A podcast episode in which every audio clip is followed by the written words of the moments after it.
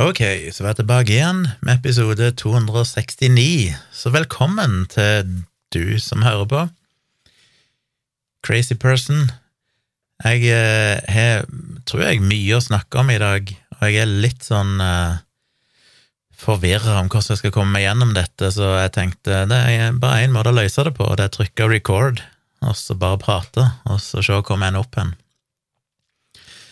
Det er 1. mars, faktisk nå, for en halvtime siden, så ble det 1. mars. Og jeg har jo sagt det tidligere, at eh, det gir et lite håp av eh, Nei, et lite Hva heter det? Et lite glimt av håp for framtida. Det er jo litt grusomt å si i disse dagene, med en forferdelig krig i Europa. Men eh, det skal komme litt tilbake igjen til. Men sett vekk ifra mm, at verden går til helvete, så er det iallfall eh, muligheter for vår etter hvert. Og jeg har jo sagt det før, at når vi kommer i mars, da føler jeg liksom det er litt lov å tenke at uh, våren er nær. Jeg føler nesten vi må ha lov å si at sommeren er begynt. Det trenger jeg å si for å, å få litt uh, oppløfta stemning her i skallen min. Det har jo vært tror jeg begynner å merke skikkelig nå effektene av pandemien. To år med ganske så stillesittende tilstand. Det er vel neppe bra for helsa mi. Eh, det er kanskje ikke så bra for psyken. Jeg føler at alt jeg har gjort de to siste årene, er å sitte på dette kontoret foran en datamaskin og trykke. Veldig lite reising, veldig lite komme seg ut blant folk. Nå er det liksom lov igjen, men uh, jeg må liksom uh, skru om en eller annen bryter i skallen min og minne meg sjøl på at det går an å ha et liv. For det føles som det ikke er så mye liv for tida. Det er liksom bare å stå opp, rutiner, stå opp, spise, gå ned her på kontoret mitt, sitte og jobbe med jobbting, sitte og jobbe med private ting. Og så er det å se litt på TV på kvelden, og så er det å legge seg og sånn går dagene, stort sett. Jeg merka eh, på søndag kveld, nei, søndag ettermiddag, så skulle jeg plukke opp min eh, niese på flyplassen her i Kristiansand, på Kjevik, fordi hun går på en skole borte i Grimstad, og bor egentlig oppe i Ålesund. Så hun hadde hatt vinterferie og kom med flyet til Kjevik, og så spurte min bror om jeg kunne hente henne og kjøre henne til Grimstad. Det har jeg gjort det et par ganger før. Og det gjorde jeg, og den dagen var det veldig fint. Det var liksom åtte plussgrader og sol og tørt på veien, og det var virkelig deilig å bare sette seg i bilen og kjøre av gårde og merke at åh, det er ikke glatt, det er ikke snø, det er ikke regn, det er bare Ja, det er utrolig hva det er å si for psyken. Jeg bare følte meg så oppløfta i et par timer der mens jeg kjørte i det fine været. Så jeg gleder meg til det. Jeg tror sjelden før jeg kommer til å sette så pris. Jeg tror egentlig jeg sier det hver vår. Hver, hver tidlig vår så begynner jeg å si at å, denne våren kommer det til å være helt spesielt. Men eh, vi er jo på vei ut av en Det er alltid farlig å si vi er på vei ut av en pandemi, men akkurat nå så er vi iallfall på en veldig, et bra sted når det gjelder pandemien, holdt jeg på å si, selv om det er fryktelig mange som blir syke. Jeg føler jo alle nå blir syke. Nå har det jo kommet til familien min òg. Både mamma og pappa har hatt det, pappa har det vel nå. Og det er jo litt skummelt, for han er 82 år, eller blir i øyeblikk 82, og helsa hans er ikke helt på topp. Eh, men eh, takket være vaksinene, så han har jo tre doser, og det er jo det som er greia. Det ser jo ut til at folk blir smitta på tross av vaksiner, men det er jo veldig få som blir spesielt syke. Så det er jo en fantastisk god ting. Jeg må bare igjen understreke at alle bør ta seg ett minutt og bare tenke seg hvordan verden hadde sett ut hvis ikke vi alle her heldige, privilegerte folk i den vestlige verden og i Norge hadde vært dobbelt- og trippelvaksinert. Det er ganske drøyt å tenke på når du ser Ja, omikron er mindre farlig, men fortsatt så er det jo ekstremt høye dødstall. Eh, ikke fordi at det er en farligere variant, men fordi så mange flere blir smitta. Og hvis du tenker deg da en, en, situasjon der vi ikke hadde vært Altså, hvis, hvis vaksinen beskytter dere 90 pluss prosent mot alvorlig sykdom, så kan du bare tenke deg ti ganger flere alvorlig syke hvis ikke vi hadde hatt eh, vaksinen. Det hadde vært ganske så drøyt. Så jeg må jo bare hver dag tenke at ja, ok, vi, vi snakker mye om at det er en mildere variant og alt dette her. I realiteten så er det jo vaksinene som er det viktige. Det er jo fordi vi er vaksinert at vi nå kan eh, stort sett leve ganske greit, leve relativt normalt. Så jeg må switche om en bryter i skallen min og begynne å leve litt. Det, det, virker bare så fjernt. Til og med nå så sliter jeg med å planlegge sommeren og sånn, og tenker sånn, nå kan jeg jo faktisk reise til sommeren, kanskje reise ut av landet. Men det føles usikkert fortsatt, på et vis. Sånn, jeg klarer ikke helt venne meg til tanken at det går an å legge langtidsplaner. Jeg kjøpte jo nettopp eh, billett til konsert med Snarky Puppy på var vel Sentrum Scene, tror jeg, i Oslo 2. november. Det er lenge til. Det er godt og vel et halvt år til. Og det er jo følt det sånn, tør jeg kjøpe en billett? Eh, står verden så lenge? Eh, har tredje verdenskrig brutt ut? Er det blitt atomkrig? Har pandemien kommet tilbake igjen med en ny variant? Vet ikke. Men eh, det var vel en 500 kroner eller sånn for billetten, det tåler jeg å tape. Hvis ting går til helvete, så har jeg vel større bekymringer enn det. Men det føles bare litt sånn scary, nesten, å bare planlegge noen ting så langt fram i tid, og det er bare en konsertbillett. Det er verre hvis du bestiller deg en utenlandstur til mangfoldige tusen kroner. Den gikk jo i dass, vi skulle jo til Praha påsken 2020, hadde bestilt hotell og fly for meg og Tone og dattera mi. Det ble selvfølgelig kansellert, fordi da brøt jo pandemien ut i mellomtida, og det var penger tapt, så um, jeg er litt der fortsatt, men må bare prøve å vende seg om og gradvis skjønne at ting blir bedre. Og så tror jeg jeg trenger, og jeg må ta meg sammen, jeg eh, jeg skjønner ikke hva det er, men jeg føler bare jeg har dårligere og dårligere tid. For noen år siden så var jeg jo så produktiv med blogging og alt mulig rart, og følte alltid at jeg hadde tid. Jeg jobba mye, og i tillegg så blogga jeg og holdt foredrag og alt mulig rart. Nå føles det som at jeg har aldri tid til noen ting, men gjør jeg noe mer? Jeg gjør andre ting, jeg har livestream, jeg lager tre podkastepisoder i uka. Eh, jeg har fortsatt fryktelig mye å gjøre på jobben min, jeg driver med fotogreier. Men jeg føler egentlig ikke totalt sett at det burde vært spesielt mye mer enn det jeg gjorde før, og likevel så føles det sånn. Så jeg har litt sånn, jeg har, blitt, jeg har ikke klart å gjennomføre alle mine planer med å være flinkere til å mosjonere, gå turer, alt det der. Så spørs om jeg må Jeg hater det jo. den rasjonelle, den fornuftige delen av meg sier jo at jeg burde satt meg ned og lagt en plan og sagt at ok, hver dag så skal meg og Tone gjøre sånn og sånn, eller jeg skal gjøre sånn og sånn, og så er det bare forferdelig vanskelig med den jobben jeg har, fordi den jobben, den IT-jobben, er så uforutsigbar. Eh, jeg husker jo for noen år siden jeg skulle prøve å, å trene sammen med ei venninne, så var det sånn ja, vi kan trene etter jobb hver dag. Problemet er at jeg vet aldri når etter jobb er, fordi det er ikke sånn at jeg kan gå fra jobb klokka fire jeg blir ofte sittende til langt på kvelden, og de siste ukene så har jeg hatt flere netter, som jeg har nevnt tidligere, der jeg jobba natta rundt. Jobba hele natta og sittet langt utpå formiddagen for å sjekke at alt fungerer, før jeg endelig kan legge meg til å sove noen timer.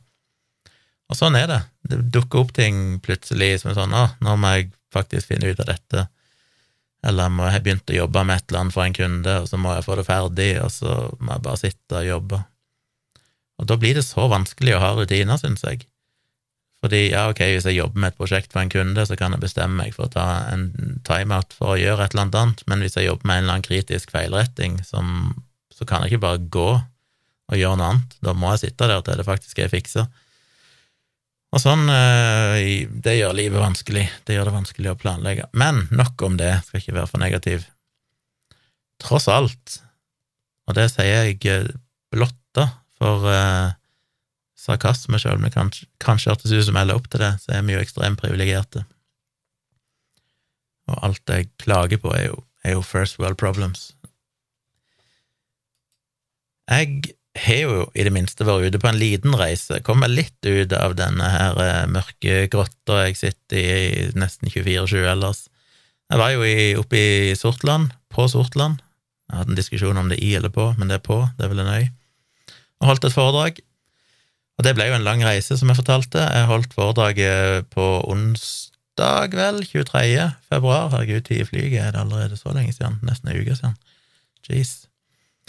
Men jeg måtte jo reise opp, eh, eller reiste jo tirsdag kveld til Oslo, tok fly til Oslo, overnatta der ei natt, og så tok jeg fly videre opp til Bodø dagen etterpå, og så ifra Bodø med et lite videre propellfly til Stokmarknes flyplass, og så en eh, flybuss, som egentlig da er en maxitaxi, ifra der og inn til Sortland sentrum, der jeg bodde på et hotell. Så jeg kom meg inn på hotellet, og så hadde jeg ca. en time eller noe sånt før jeg måtte ned til Kulturhuset, som lå rett over gata, og gjøre meg klar til foredrag. Og holdt det foredraget, og jeg er jo alltid like usikker på hvordan det gikk.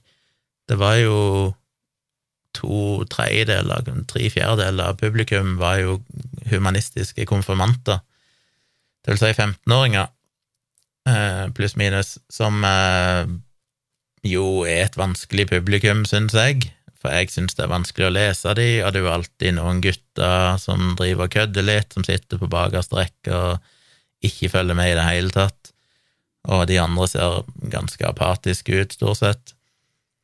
Og så jeg syns jeg det er vanskelig å vite om, om, det er for vanskelig, det jeg sier, er, hvor, hvor, ligger liksom nivået?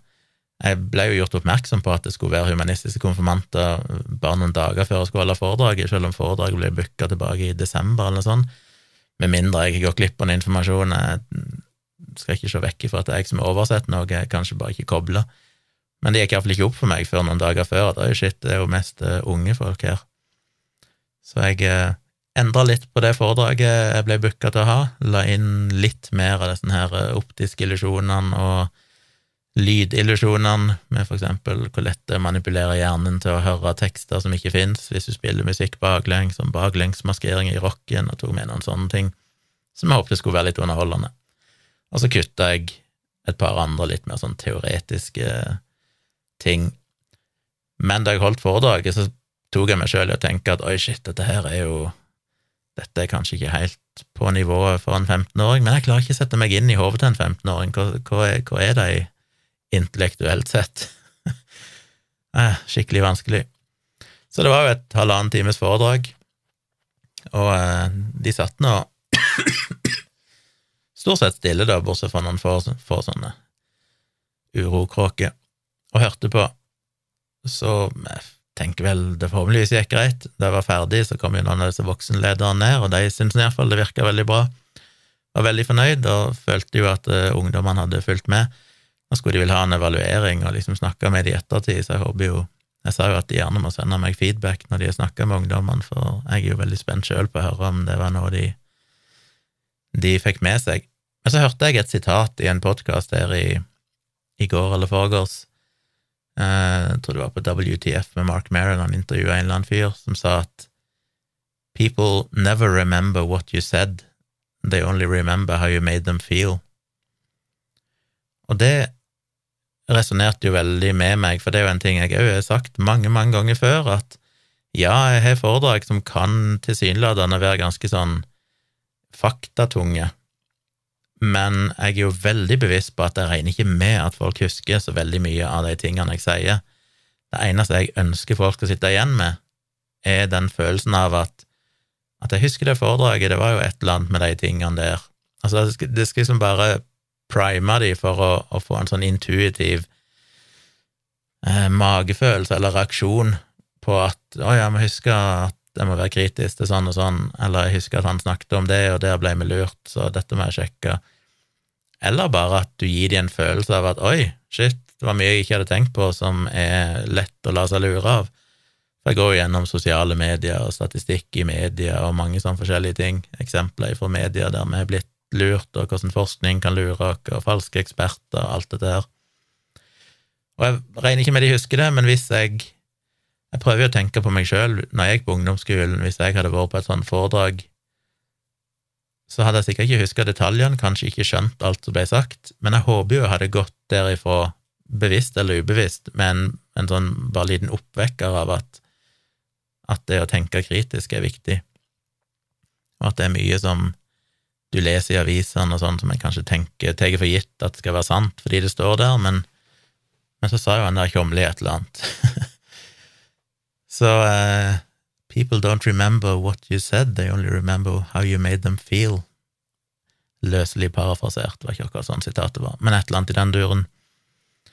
Det tror jeg er en god påminnelse, og det er jo det jeg alltid tenker på med podkasten min og alle ting. Jeg håper jo bare at jeg får folk til å ja, bare få en følelse av dette med kritisk tenking er viktig, og at det nesten alltid er flere sider av en sak, og ting er mer nyansert enn det en kanskje tror, og alt dette her. Det er bare å gi folk den følelsen, fordi som jeg alltid sier, det, det viktige er jo ikke at de husker det jeg sier, sammen med bloggpostene mine og alt, det viktigste er jo ikke at de husker detaljene eller fakta, for det, det gjør de ikke, det hadde ikke jeg gjort, jeg husker ingenting fra foredrag jeg har vært på. Eh, jeg tror det eneste jeg husker fra foredrag jeg har vært på, er jo nettopp det hvordan det fikk meg til å føle meg, at jeg tenkte sånn shit, dette var kult, eller oi, dette var interessant. Jeg husker ikke detaljene, men det betyr at neste gang jeg møter på et eller annet, en situasjon der det er relevant, så kan jeg finne den informasjonen.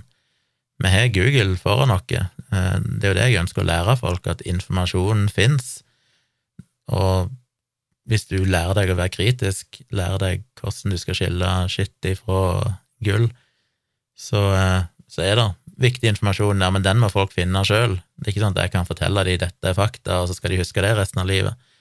De skal kun huske at det er viktig å være kritisk, og prøve å eh, enkode en magefølelse i folk som hører på meg, til å søke den informasjonen.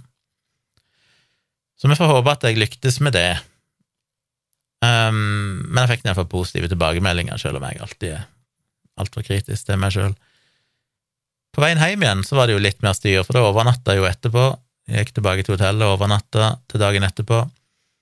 Hadde noen timer der. Jeg sto jo opp, men jeg måtte jo sjekke ut av hotellrommet klokka tolv, men så skulle en sånn flybuss da, eller taxien da hente meg igjen ca. halv tre og kjøre meg til flyplassen. Så da hadde jeg ikke så mye å gjøre. Det var ganske Det blåste ganske mye der oppe, selv om været var ganske ok ellers. Og jeg valgte jo å ikke ta med meg kamera. Jeg var veldig fram og tilbake før jeg reiste. Dagen før sånn, prøvde alle mulige konfigurasjoner, hvordan jeg kan pakke ting på en fornuftig måte og få med meg kamera, men så gikk det opp for meg at det er virkelig ikke verdt bryderiet. Den tida jeg kommer til å få til å ta bilder, eh, blir veldig kort, og det prisen jeg må betale, er at jeg må drasse med meg en kamerasekk, og alt det må ut i sikkerhetskontrollen, og jeg skal gjennom ja, Hvor mange blir det? Én, to ja, Blir det fire eller seks? Fire, fem, seks? Et eller annet sikkerhetskontroller på den turen. Jeg må ut med kamerautstyret hver gang, og inn igjen med de, og Nei, det gidder jeg faktisk ikke. Det er faktisk ikke verdt det. For ellers spare det til den gangen vi eventuelt reiser opp til de traktene igjen, Lofoten eller noe sånt for å, å, være der noen dager og ha litt tid. Da kan jeg heller fokusere på å ta bilder. Så var jeg usikker på været. Ifølge Yr så så det ut til å være ganske overskyet, og sånn tenkte jeg ja, da er det ikke vits i å dra med seg masse kamera hvis ikke været blir spesielt bra uansett. Det var litt bedre enn jeg hadde frykta når jeg kom der, da. Det var jo definitivt ting jeg kunne tatt bilde av som så veldig flott ut, men Men jeg kom til flyplassen i Stokmarknes, og så ble jo det flyet mitt forsinka da jeg reiste opp, så var det jo Oslo, Bodø, Stokmarknes, men på vei tilbake igjen så er det Stokmarknes, og så opp til Tromsø, og så fra Tromsø og ned til Oslo. For det er tydeligvis et sånt fly som flyr i en triangel eller et eller annet, eller iallfall fra Bodø til Stokmarknes til Tromsø. Det er liksom sånn rutefly som går den veien, eh, og ikke motsatt. Så jeg satt nå der og venta, og så ble flyet mer og mer forsinka. Til slutt så var det vel 40 minutter forsinka når vi endelig kom oss av gårde. Fløy opp til Tromsø, jeg begynte å tenke shit, rekker jeg eh, connecting flight ned til Oslo. Landa på flyplassen i Tromsø, sjekka hvilken gate jeg skulle på, og da var det liksom bare noen minutter egentlig til flyet skulle gå.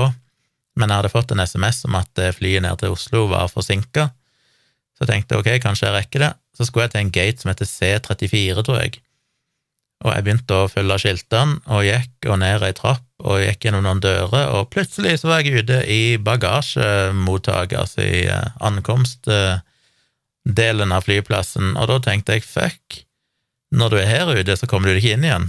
da må du gjennom sikkerhetskontrollen og hele sulamitten for å komme deg inn igjen til gate. Tenkte jeg faen heller, jeg har nå klart å drite meg så ut. Nå hadde jeg dårlig tid i utgangspunktet, nå kan jeg jo bare glemme å, å rekke det flyet. Og så så jeg gikk jeg litt rundt der og bare var irritert på meg sjøl, og så så jeg plutselig nei, men jeg er jo på riktig sted. Og så så jeg plutselig et skilt der det sto at hvis du skulle til gate C34, så måtte du ta en sånn shuttlebuss over til en helt annen terminal. Så da var det riktig, da hadde jeg fulgt skiltene ut, og du skulle faktisk ut. Og så gikk jeg der, da, så gikk jeg ut, og så der shuttlebussen skulle stoppe, og der sto det bare et skilt med at den kom hvert tiende minutt. Og da var det vel sånn bare noen få minutter, da, som sagt, til flyet gikk. Så jeg tenkte hvis ikke det står en buss her nå, så funker det ikke, og det gjorde det ikke, så da tenkte jeg fuck. Så jeg gikk og stilte meg i en kø sammen med mange andre som tydeligvis òg måtte booke om fly, for å sjekke liksom hva jeg kunne bookes om til, om det gikk noe fly seinere den kvelden, eller om jeg måtte overnatte i Tromsø. Og så mens jeg sto i køen, før jeg hadde kommet fram til skranka, så fikk jeg plutselig en ny SMS fra SAS der det sto at flyet til Oslo var utsatt med ti minutter til. Og så tenkte jeg hva er det riktig å gjøre nå? Kan jeg rekke det? Jeg skal jo først finne en buss, komme meg til en annen terminal, og der må jeg sjekke inn bagasjen igjen. Så tenkte jeg ah, jeg må sjekke, så jeg sprang ut av køen og bort der flybussen eh, skulle stå, og da var det plutselig en der, eller sånn shuttlebuss. Og når jeg kom ut døra, så åpna bussdøra seg umiddelbart, det var en kvinnelig bussjåfør, og jeg hoppet inn på bussen som eneste passasjer og sa liksom du, tror du jeg rekker flyet til Oslo? Så sa hun ja, vi får se. Og så lukka hun døra og kjørte med en gang jeg hadde kommet på bussen. Og så fortsatte hun å prate med meg mens hun var på bussen, eh, og fortalte det at uh, hun hadde ikke fått noen intern beskjed om at det var forsinkelser, men hun hadde bare tilfeldigvis fått med seg på en eller annen måte at det var et fly som var forsinka uh, med passasjerer til Oslo, uh, eller som skulle videre til Oslo, så hun hadde bare av ren velvilje kjørt bort med bussen bare for å se om det tilfeldigvis dukka opp noen passasjerer som skulle videre til den andre terminalen selv om hun egentlig ikke skulle ha kjørt den ruta akkurat da. Så det var jo supersnilt og flaks for meg, og hun tok òg en snarvei istedenfor å kjøre der hun pleide å kjøre eller skulle kjøre, så kjørte hun meg bare rett bort til inngangen til den eh, andre terminalbygget, og så sa at jeg fikk bare springe, så hoppet jeg av, kom inn, og der var det jo ny sikkerhetskontroll, det var det ikke noen kø, det var helt tomt, det var bare noen få som så ut som de drev og rydda vekk ting, så jeg kom inn der og sa liksom du, kom, rekker jeg flyet til Oslo? Og så sa de heldigvis at ja, det ser ut til at det venter fortsatt. Jeg har aldri sjekka eller gått gjennom en sikkerhetskontroll så fort. Jeg hadde jo på meg litt sånn eh, vintersko, fordi jeg tenkte det var sikkert kaldt oppe i nord. Og hver eneste sikkerhetskontroll jeg hadde gått gjennom, hadde de utløst alarmen på. Og jeg måtte alltid snu og ta de av meg og legge de på rullebåndet, så det gjorde jeg heldigvis i forkant denne gangen. Tok ikke ut så mye av sekken min som jeg pleier. Jeg har jo batterilader og ladekabler og diverse gadgets, holdt jeg på å si, i sekken min og Macbooken og sånn. Men jeg tok ut de største tingene, og ikke alle tingene som jeg normalt gjør. Tenkte jeg må bare gjøre dette fort. Reiv av meg beltet, tok ut tingene i lommene mine, av med klokka mi, alt det der. Suste igjennom, heldigvis ble jeg ikke stoppa i kontrollen denne gangen. Og på andre sida så rakk jeg ikke å pakke alt, så jeg bare jeg fikk ikke tatt på meg belte og sånn, jeg tok ikke sjansen på det, så jeg bare heiv beltet og alt i kofferten min og hadde med meg én ryggsekk og én sånn håndholdt koffert, og bare sprang av gårde mot gaten, og der sto de heldigvis og venta fortsatt. Så jeg fikk skanna meg gjennom og gikk ut, og der sto flyet og venta, og jeg kom vel inn på flyet da som siste passasjer, som jo alltid er, er gøy. Føler bare alle hater meg. Tenk sånn, ah, dere, han der jævelen som er forsinka oss. Og det var ett sete ledig, det var et stappfullt fly. Og det var mitt, og de som satt, det var selvfølgelig vindusplass, og de to som var der, måtte jo ut, og så var det ikke plass til kofferten min, men heldigvis var det noen andre passasjerer som sa du, prøv i den luka der, der tror jeg det er plass. Og det var det, så fikk støffe inn kofferten min, følte jeg lagde fryktelig mye oppstyr, og fikk slengt meg inn, og var så svett, for da hadde jeg bare vært så stressa. Igjen, first world problems, men fortsatt stressende. Så jeg kom meg på det flyet, og kom meg hjem til Oslo. Det ble jo ganske mye forsinka da, alt i alt, men jeg kom meg iallfall tilbake igjen til hovedstaden og sjekka inn på et hotell der, og bare chilla på hotellrommet. Kjøpte med meg noen snacks på Oslo S, noe mat og godteri, og satte meg ned og så på YouTube i senga og trykte i meg eh, sjokolade som trøst. Og dagen etterpå så var det fly tilbake til Kristiansand, og der ble jeg henta av Tone som i mellomtida endelig hadde fått henta Teslaen, som jo har vært til oppgradering. Jeg uh, husker ikke helt hva jeg har fortalt før, hvilke episode, men long story short så vil jeg oppgradere skjermen og disse infotainment-datamaskinen på Teslaen, for den er ganske gammel, det er jo en 2017-modell. Fryktelig treg skjerm alt det der der. Og veldig utdatert, får ikke noe skikkelig ny programvare til han lenger, for de støtter han ikke. Så jeg eh, investerte i det, det kostet en del, men jeg tenkte det var verdt det, og den ble jo forsinka, leverte jo den inn forrige torsdag, altså for to uker siden. Den skulle egentlig være ferdig samme dag, men så rakk de det ikke, så måtte jeg ha en lånebil, og så ble den ikke ferdig på fredagen, fikk melding om at beklager, men vi blir ikke ferdig, så vi må fortsette på mandag. På mandagen fikk jeg SMS om at eh, det var ikke noen tekniker på jobb den dagen, så jeg måtte vente til tirsdagen. På tirsdagen fikk vi omsider melding om at eh, bilen kom til å bli ferdig dagen etterpå, og da reiste jo jeg til Oslo. Men Tone henta bilen på onsdagen, så det tok jo fra torsdag til onsdag å få gjort en jobb som egentlig skulle vært gjort samme dagen. Men de er flinke i Tesla til å holde deg informert, de sender jo SMS-er og liksom hele tida ja, oppdaterer deg på status. Så jeg var litt spent når jeg kom tilbake igjen og sette meg inn i bilen og se den oppgraderingen, og det må jeg jo si var verdt det. Eh, som sagt dyrt, men det blir jo en helt ny bil, nesten. Plutselig har du en skjerm som faktisk responderer, som det går an å gjøre ting på uten at du må vente i tre minutter for hver ting du trykker. Og en helt ny programvare er oppdatert med nye features, ny funksjonalitet. Plutselig kan jeg se flere av kameraene i real time, og jeg har tilgang på flere apper, og det er jo Netflix og YouTube og Tidal er innebygd, som jo gjør at jeg plutselig tenkte kanskje jeg må bytte til Tidal heller enn Spotify. Men ja, så vi får se. Men uh, det var i hvert fall kult. Så jeg kom meg hjem igjen, og alt gikk jo tross alt bra. Og på en eller annen merkelig måte så har jeg ikke blitt smitta av uh, covid, eller smitta SARS-CoV-2, som jeg tenkte var nesten uunngåelig på den turen, for det å være støffa inn i en shuttlebuss der du står tett i tett med mange andre, det å stå i køer på flyplasser der det er masse folk hele tida, sitte på mange fly, fram og tilbake, flytog. Jeg tenkte sånn, jeg må jo bli smitta her på et eller annet punkt, men eh, nå kom jeg jo hjem for noen dager siden, fredag, nå har det gått eh, lørdag, søndag, mandag, tirsdag, basically gått fire dager, ingen symptomer. Så enten er jeg blitt smitta og er symptomfri, eller så har jeg ikke blitt smitta. Jeg håper jo Jeg vet ikke hva jeg håper. Alle andre får det jo på et eller annet tidspunkt, så må jeg vel få det, som sagt, men, eh, men ja. En annen ting eh, som skjedde, holdt jeg på å si, var jo at eh, Og nå er det jo igjen som vanlig, så er det mye dagbokting her i starten av podkasten, men eh, det kommer noe mer seriøse ting etter hvert. Og det blir kanskje en lang episode.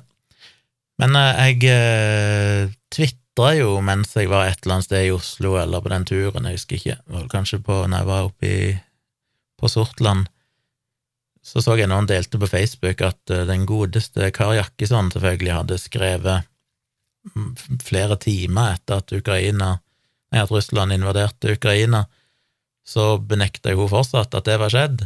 En, en kommentar hun hadde skrevet inn på Facebook om at nei, Russland hadde ikke invadert Ukraina, og Putin hadde aldri sagt at det ville han gjøre, selv om han jo hadde holdt en tale og fortalt at akkurat det skulle han gjøre, og faktisk endte opp med å gjøre det. Som jo er en interessant virkelighetsfornektelse som ikke er spesielt uh, utypisk for Kari Jakkesson. Så jeg tok en screenshot av den kommentaren, og eller først så skrev jeg vel bare en tweet der jeg bare liksom parafraserte litt sånn sarkastisk at Kari Jakkesson selvfølgelig benekta at uh, dette hadde skjedd. Og så kom det, så delte jeg vel en, en screenshot av han òg, for det var noen som spurte sånn, de klarte ikke å finne det igjen, og så delte jeg screenshot bare for å vise at det faktisk stemte. Og så var jeg jo på fly og stressa i mange timer etterpå, og når jeg endelig fikk landa litt, bokstavelig talt og eh, mentalt, så eh, kikka jeg på Twitter og så at det var kommet mye tilbakemeldinger på den, og veldig mye ufine tilbakemeldinger mot Kari Jakkesson. Og ja, jeg er 100% tilhenger av å latterliggjøre henne. Uh, hun er liksom så far out at det er ikke noen ting å hente på noen ting annet. Men det blir liksom en sånn ekstremt hatsk tone i mange av tweetene som bare går på at hun er stokk dum og hun er helt ufordragelig menneske og verre ting. Og da får jeg dårlig samvittighet. Det er, sånn, det, er ikke det, det er ikke det som er poenget. Jeg ønsker ikke å liksom mane til masse hat, selv om det selvfølgelig er lett å si at ja, men det er jo akkurat det jeg gjør når jeg deler en sånn tweet. Hensikten min var bare mer å vise at liksom atter en gang Se hvor far out hun faktisk er, og så kan vi le litt av det. Men jeg valgte jo da å slette den tweeten fordi jeg følte meg skyldig. Det er sånn, ja, men det er ikke dette jeg vil, jeg vil ikke at dere skal skrive sånn crap. Problemet er jo at på Twitter så hjelper det ikke å slette en tweet, jeg får sletta min tweet, men alt vi skriver av svar, blir jo fortsatt stående. Det er ikke sånn på Facebook at sletter du en kommentar, så blir alle underkommentarene automatisk sletta, som òg er irriterende ofte. Herregud, så mange ganger jeg har vært i debatter med folk om vaksiner og sånn, og så på et eller annet tidspunkt så bare ender de opp med å slette kommentaren sin, og så forsvinner alle mine 300 svar, som er så irriterende, for det har liksom brukt så mye tid på å argumentere, vise til kilder og fortelle hva som er galt med det de har skrevet, og så bare får de kalde føtter, og så sletter de sin kommentar, og så forsvinner alle mine alt det jeg har skrevet som jeg faktisk syns var litt viktig. Det skjer jo heldigvis ikke på Twitter, og samtidig uheldigvis, fordi at, eh, ja Selvfølgelig, det er jo ikke mitt ansvar, folk er jo ansvarlige for det de skriver sjøl, så om de blir stående igjen, så kan ikke jeg ta skylda for det, sånn sett, men jeg hadde jo på en måte lyst til å bare fjerne alt, fordi det bare føltes så ja, ugreit, på et vis. Så det er jo Det er jo et Men det burde jeg Det undervurderte jeg vel kanskje publikum litt. Jeg var vel ikke helt forberedt på at det kom til å komme så mye ufine Det burde vel vært ufine tilbakemeldinger. Jeg burde nok vært det, men jeg var kanskje naiv i øyeblikket og bare tenkte at dette var litt morsomt, og så utarta det seg til å bli verre enn jeg hadde trodd og håpet. Um, en siste ting, omtrent, tror jeg, eh, om eh, mitt liv, er jo at jeg har fått redigert ferdig bildene fra de restaurantene jeg tok bilde av sist, i februar. Restaurant Arakataka og Brasseri Hansken i Oslo. Og jeg tror jeg ble ganske fornøyd med bildene. Jeg var veldig usikker etter jeg hadde vært der. Jeg følte liksom sånn ah, Fikk jeg egentlig tatt noen bra bilder denne gangen? Men eh, jeg har jo i avtalen at jeg skal levere 20 bilder som minimum, og atter en gang så leverte jeg jo ca. 80 bilder til hver av de, så de får fire ganger så mange som de betaler for. Men det er litt sånn Jeg bare Jeg klarer ikke å velge når, det, når jeg føler at dette er de 80 bildene som er best og jeg føler alle egentlig er bra nok av hundrevis, kanskje nesten tusen bilder som jeg tar på hver plass, så er det vanskelig å, sortere det ned. Jeg vet at det er dårlig business og alt dette her, men, eh, men ja, det, det beina til det. Så jeg skal legge link til de, tror jeg, på, uh, i shownotes til denne podkasten, så hvis dere er nysgjerrige på å se bildene, så gjør gjerne det. Jeg fikk en del kule portretter, blant annet, på Arakataka, syns jeg, som blir spontan, for de står ikke og poserer for portretter, de driver jo og jobber hele tida og serverer mat og lager mat, men det gjelder jo bare å prøve å knipse det i de rette øyeblikkene. Og så er det krevende på Arakataka, for der tar jeg alltid bilder på kveldstid, for de har ikke noen dagservering, de serverer kun fra klokka fem og utover. Og da er det alltid, på denne årstida jo mørkt, eh, så det er et veldig mørkt lokale der de har lys på kjøkkenet, men det er primært sånne varmelamper som henger ned over serveringsdisken for å holde maten varm, med et veldig, veldig hardt og utrivelig lys. Så det er krevende å ta bilder. Du har liksom den eh, For de som mm, forstår kamera, eller linse, så er det jo sånn at du har noe som heter for aperture, eller blenderåpning. Jo mer du eh, eh lukker ned den, jo større dybdeskarphet får du, altså jo mindre hull du lager der lyset kan slippe inn, jo mer dybdeskarphet får du, det vil si at mer av bildet kommer i fokus samtidig. Men du får mindre lys. Hvis du derimot åpner opp så mye du kan, så får du inn mye mer lys, du kan ta bilder når det er mørkere, men du får veldig smal dybdeskarphet. Og det det vanskelige med å ta bilder hos Arakataka, det er jo det at jeg tar jo ofte ganske sånn nærbilder av maten, så jeg er, jeg er veldig close up på maten. Og hvis du da har en veldig liten dybdeskarphet, så får du kanskje én centimeter av retten i fokus, og så er resten ute av fokus. Og det kan ofte se kult ut i noen sammenhenger, men ofte så ønsker jeg òg å ha hele retten i fokus, iallfall mesteparten av den, sånn at du faktisk kan se maten skikkelig. Men da må jeg lukke ned blenderåpningen så mye at det nesten ikke slipper inn lys lenger, og dermed så må du kompensere for det med å eksempel skru opp ISO-en, som gjør at bildene blir mer kornete og får dårligere kvalitet.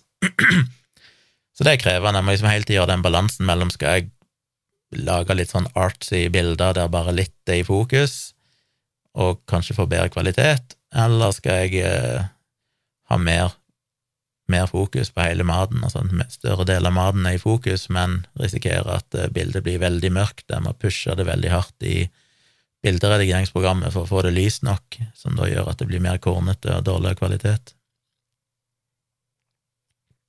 Så jeg prøver meg på en blanding, men merker det at jeg er litt misfornøyd med at eh, litt for mange av bildene av mat har litt for liten dybdeskarphet, merker jeg.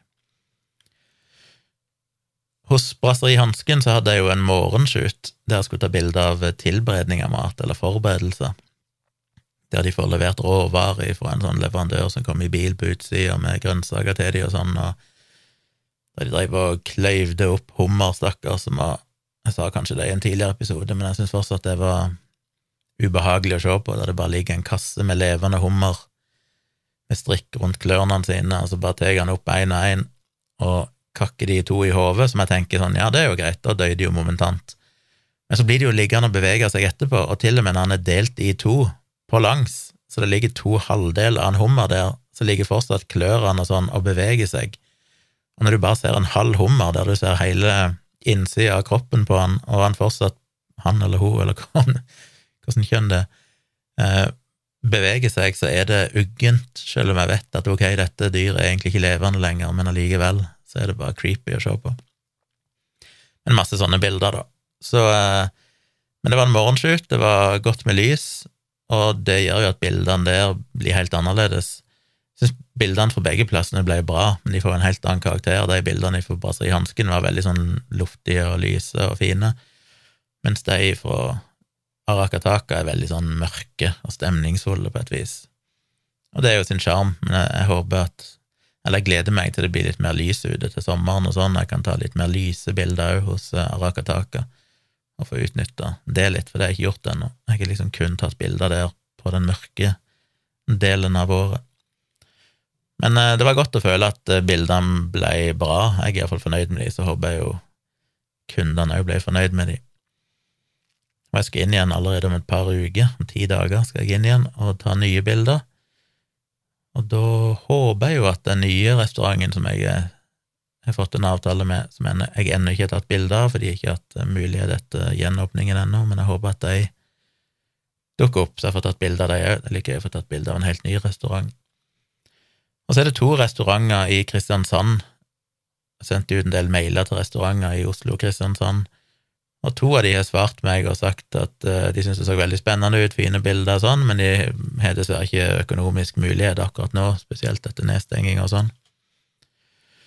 Men de skulle ha meg i, i bakhovet når det ble aktuelt. Så svarte jeg begge to og sa at uh, jeg kunne komme og gjøre en gratis fotoshoot for de, og det er det jo flere grunner til. Én uh, er jo at jeg alltid trenger mer erfaring, trenger alltid Altså, nå har jeg tatt bilde av de to restaurantene i Oslo, men det blir litt for sånn ok, det er de to, jeg må jo håndtere andre situasjoner.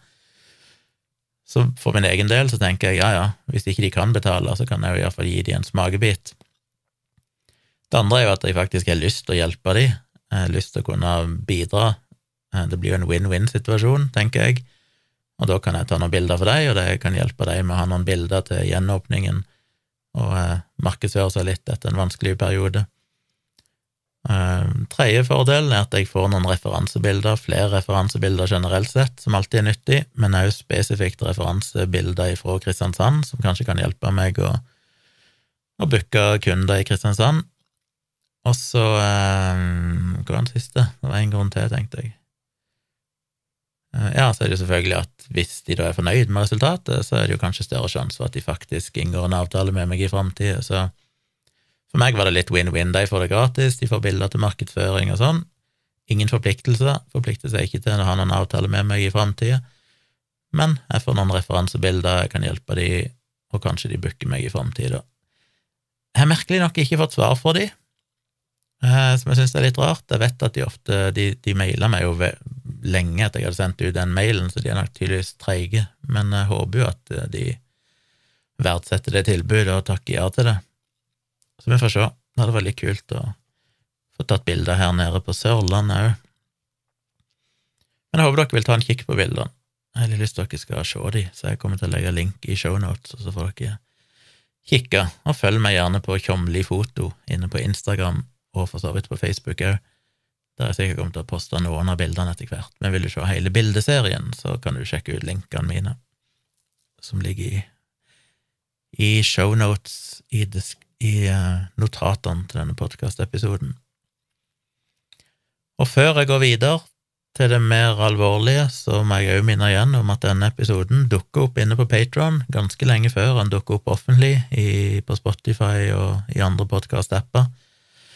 Så hvis du liker denne podkasten, og det håper jeg du gjør siden du hører på denne episoden, så blir jeg veldig glad hvis du går inn på patrion.com slash tjomli og eh, blir medlem der. Så får du tilgang til episoden med en gang han ligger ute, og da helt uten reklame, så du slipper det òg. Og ikke minst så støtter du jo alt det arbeidet jeg gjør med dette, som jeg verdsetter veldig. Så må jeg beklage at jeg ennå ikke har klart å komme meg videre med Jeg har jo lovt at inne på Patron skal jeg kjøre et par livestreams med intervjuer og noe sånne greier. Det er ikke glemt, det er bare at det har vært så sinnssykt travelt. Jeg har jobba dag og natt, jeg har vært på reise, og jeg har bare ikke hatt muligheten til å ta tak i de tingene. Men eh, jeg håper jo ganske snart at jeg skal få booka de datoene og faktisk få gjennomført det. Så det kommer litt ekstra bonusinnhold der òg på Patron til dere.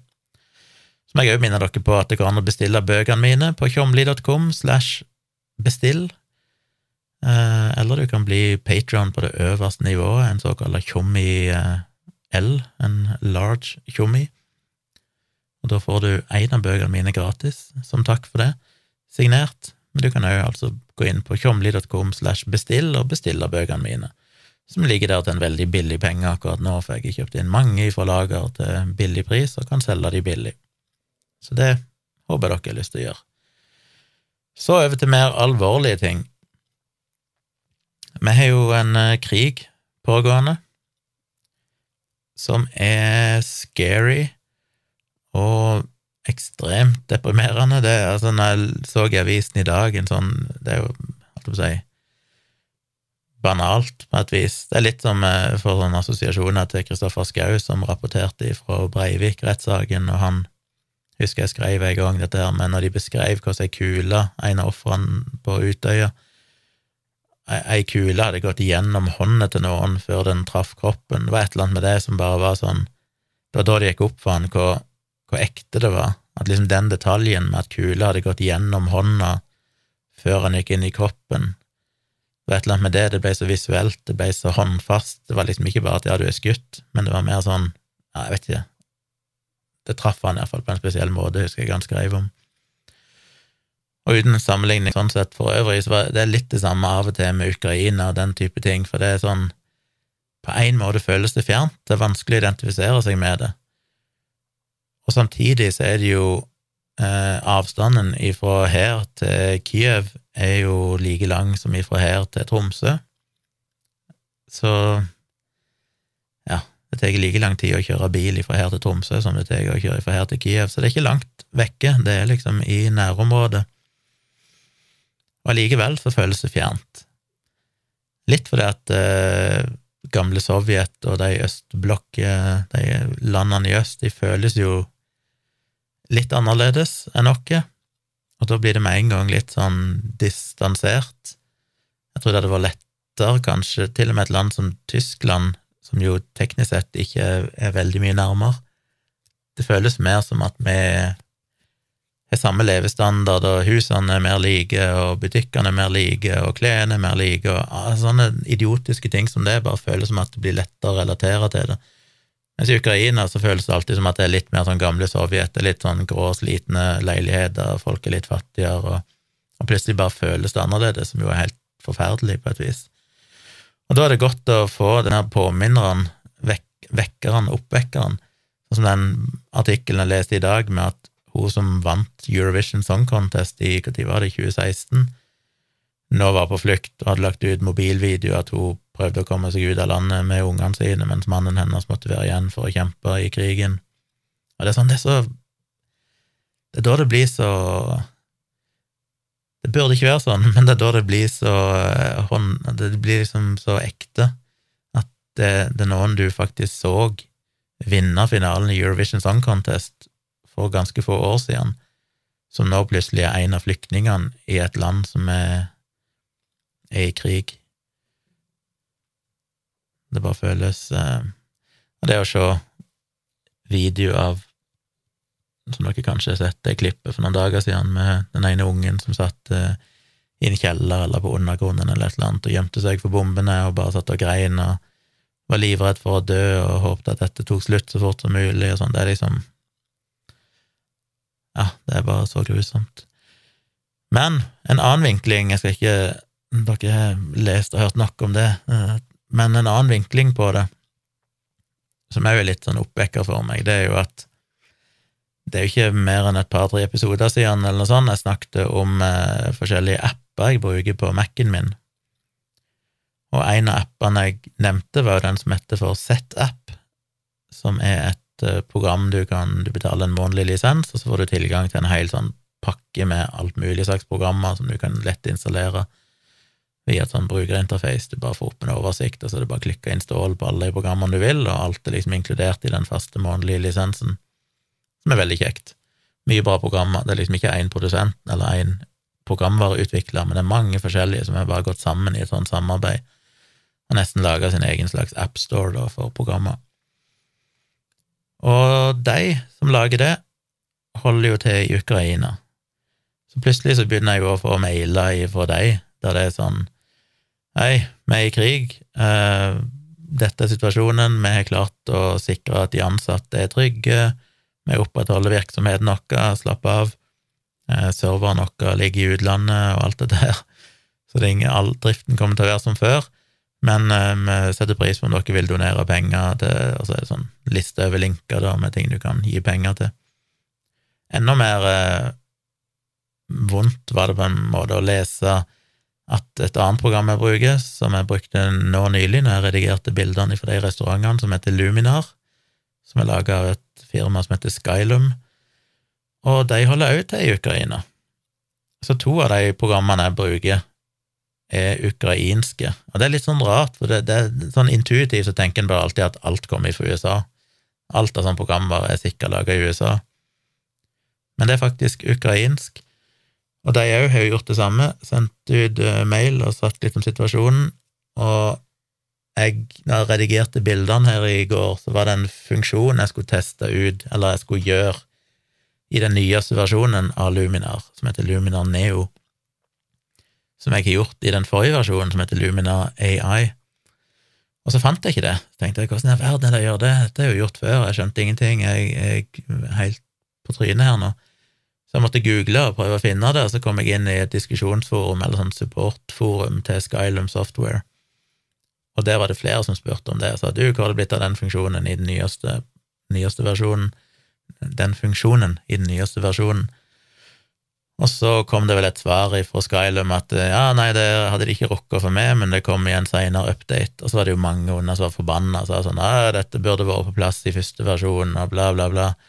Og så kommer det en oppdatering ifra de der de liksom sier at du eh, vi beklager at vi ikke rukker å gjøre dette og sånn, og vi jobber på spreng med det, men akkurat nå så er faktisk landet vårt i krig, og vi er i en situasjon der vi faktisk ikke kan prioritere og jobber med akkurat denne oppdateringen nå, og jeg håper dere kan vise forståelse for det.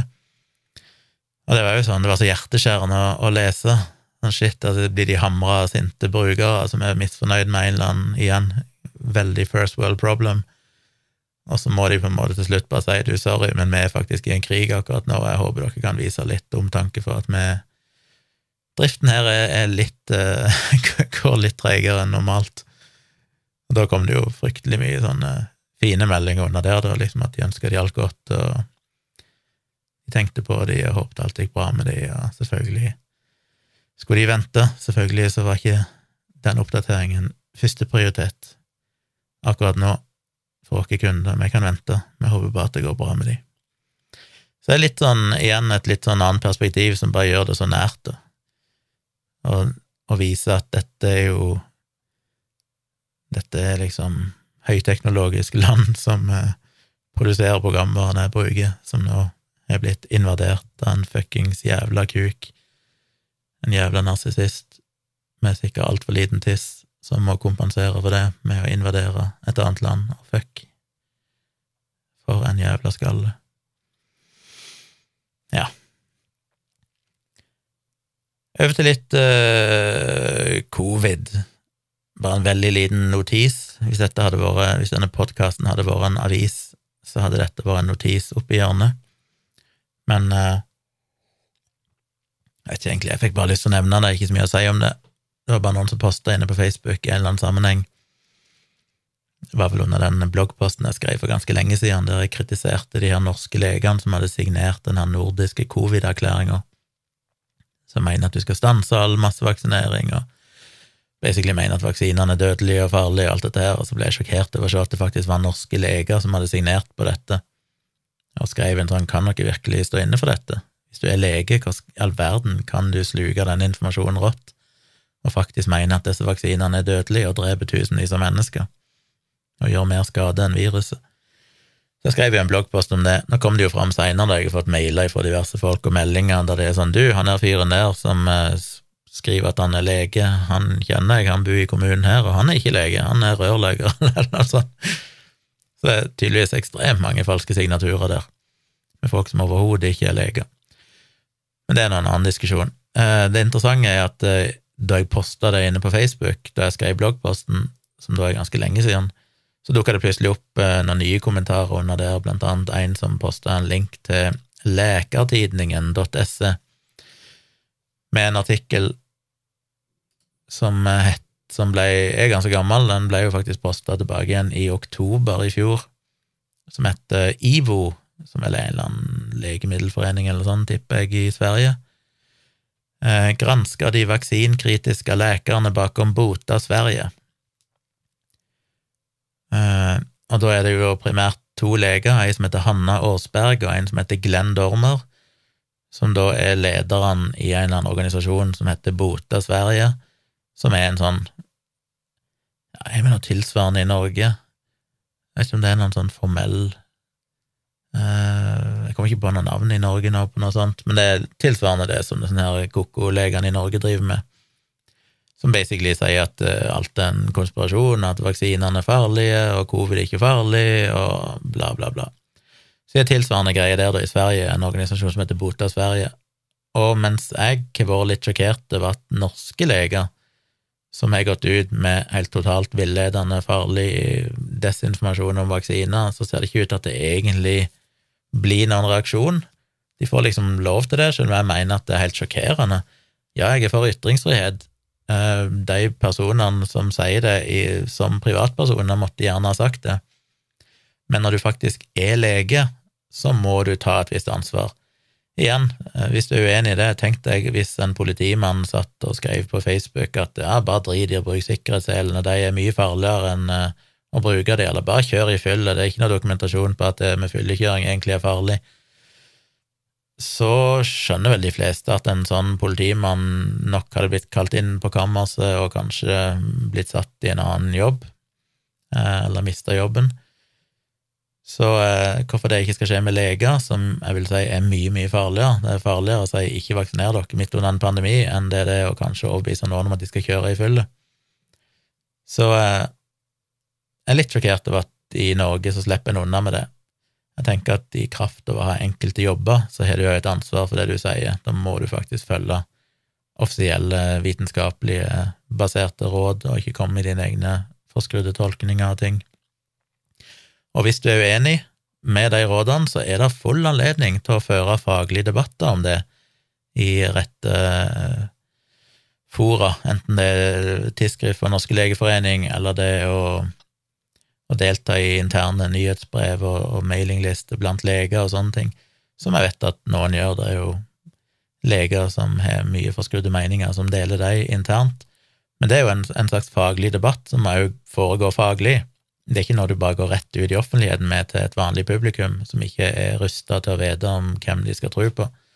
Så det er jo ikke det at det ikke skal være lov å være kritisk, det er jo helt sentralt at folk er kritiske. Vi skal jo ikke svelge noen ting av dette rått, men den debatten skal ikke skje i offentligheten, for den går langt over hodet på de aller fleste av oss.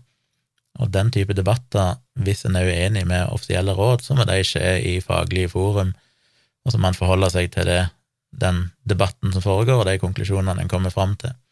Men det er jo mange som ønsker ikke ønsker den motstanden, de ønsker ikke å ta den debatten med andre fagfolk, så de velger heller å gå ut i podkaster eller i YouTube-videoer eller Facebook-postinger og sånn, og komme med ren vitenskapelig vrøvl, eh, fordi det er lettere, og de blir jo ganske populære blant vaksinemotstandere og konspirasjonsteoretikere, som sikkert føles godt.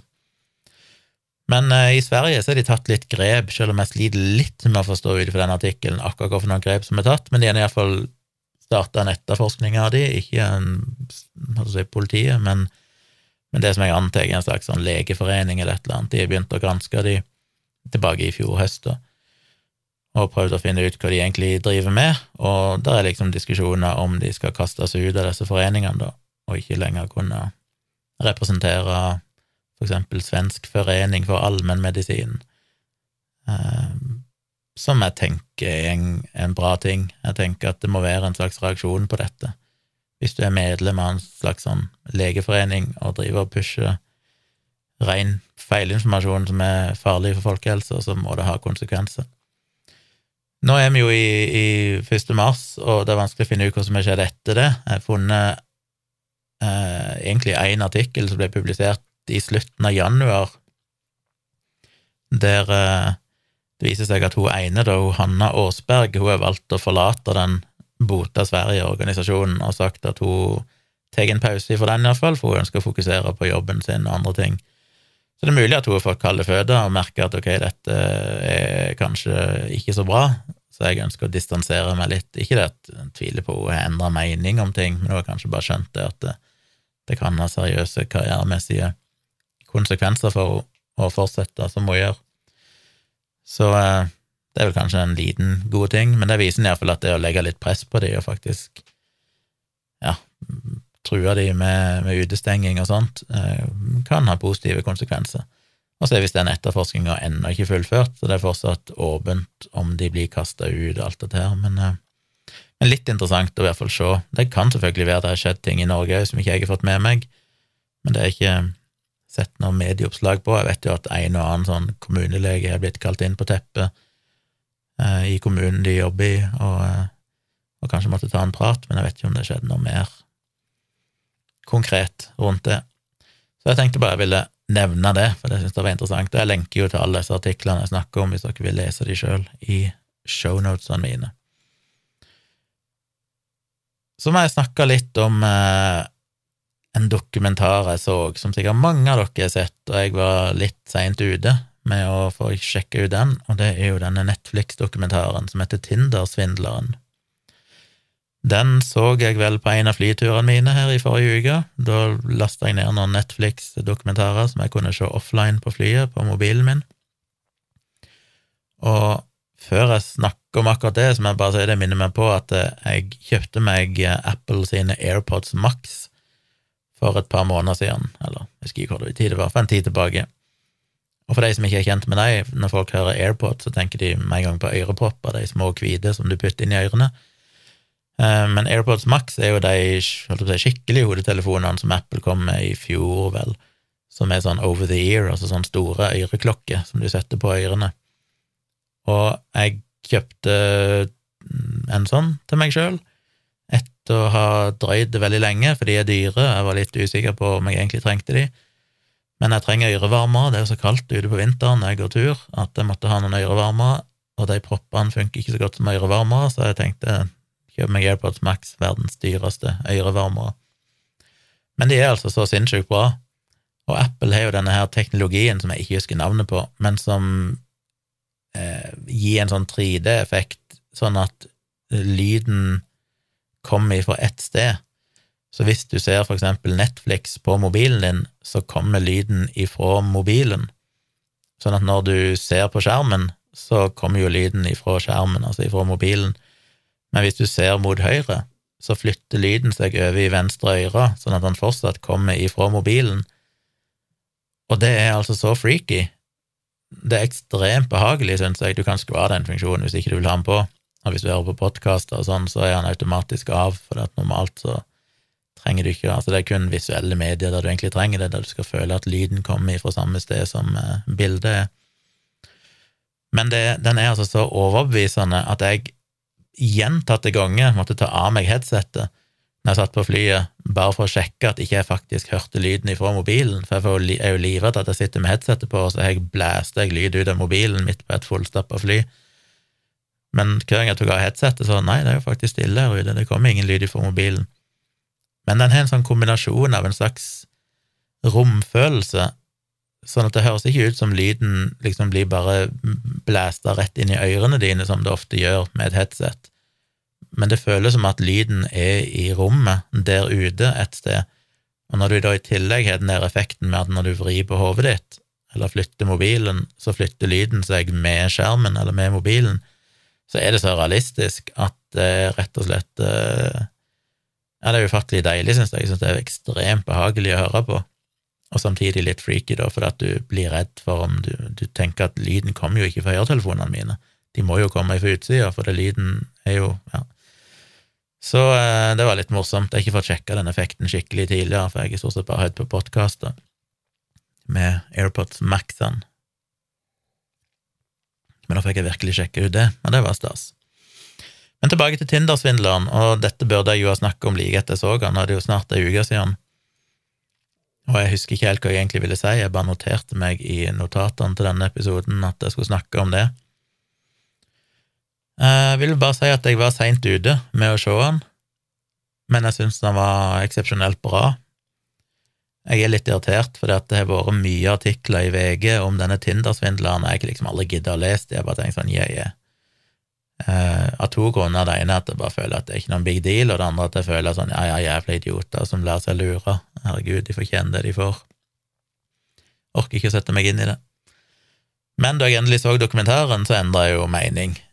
Fordi nå tenker jeg jo bare sånn shit, for noen dritkule damer, for noen modige, tøffe folk eh, som ble utsatt, for jeg visste jo ikke at det var så omfattende.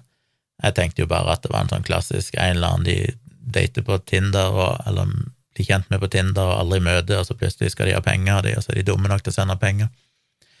Jeg skjønte ikke at det var så gjennomført, at de liksom møtte han med en gang og bodde med han og var med han og hadde sex med han, og alt var liksom overbevisende, og så først en måned etterpå så kom liksom en historie som gjør at de må sende penger, som jeg skjønner at de fleste ville blitt lurt av. Og eh, den måten de reagerte på, er jo så ekstremt tøft, det å bare stå fram i den dokumentaren, og for de som ikke har sett den, så er jo hovedpersonen en norsk kvinne. Og holdt på å si, den andre hovedpersonen er jo avisa VG, som jo gikk videre med å researche denne saken og, og jobba videre med den, og da endte opp med å avsløre den og sånne ting, som er veldig kult i en sånn Netflix-dokumentar som ikke er norsk.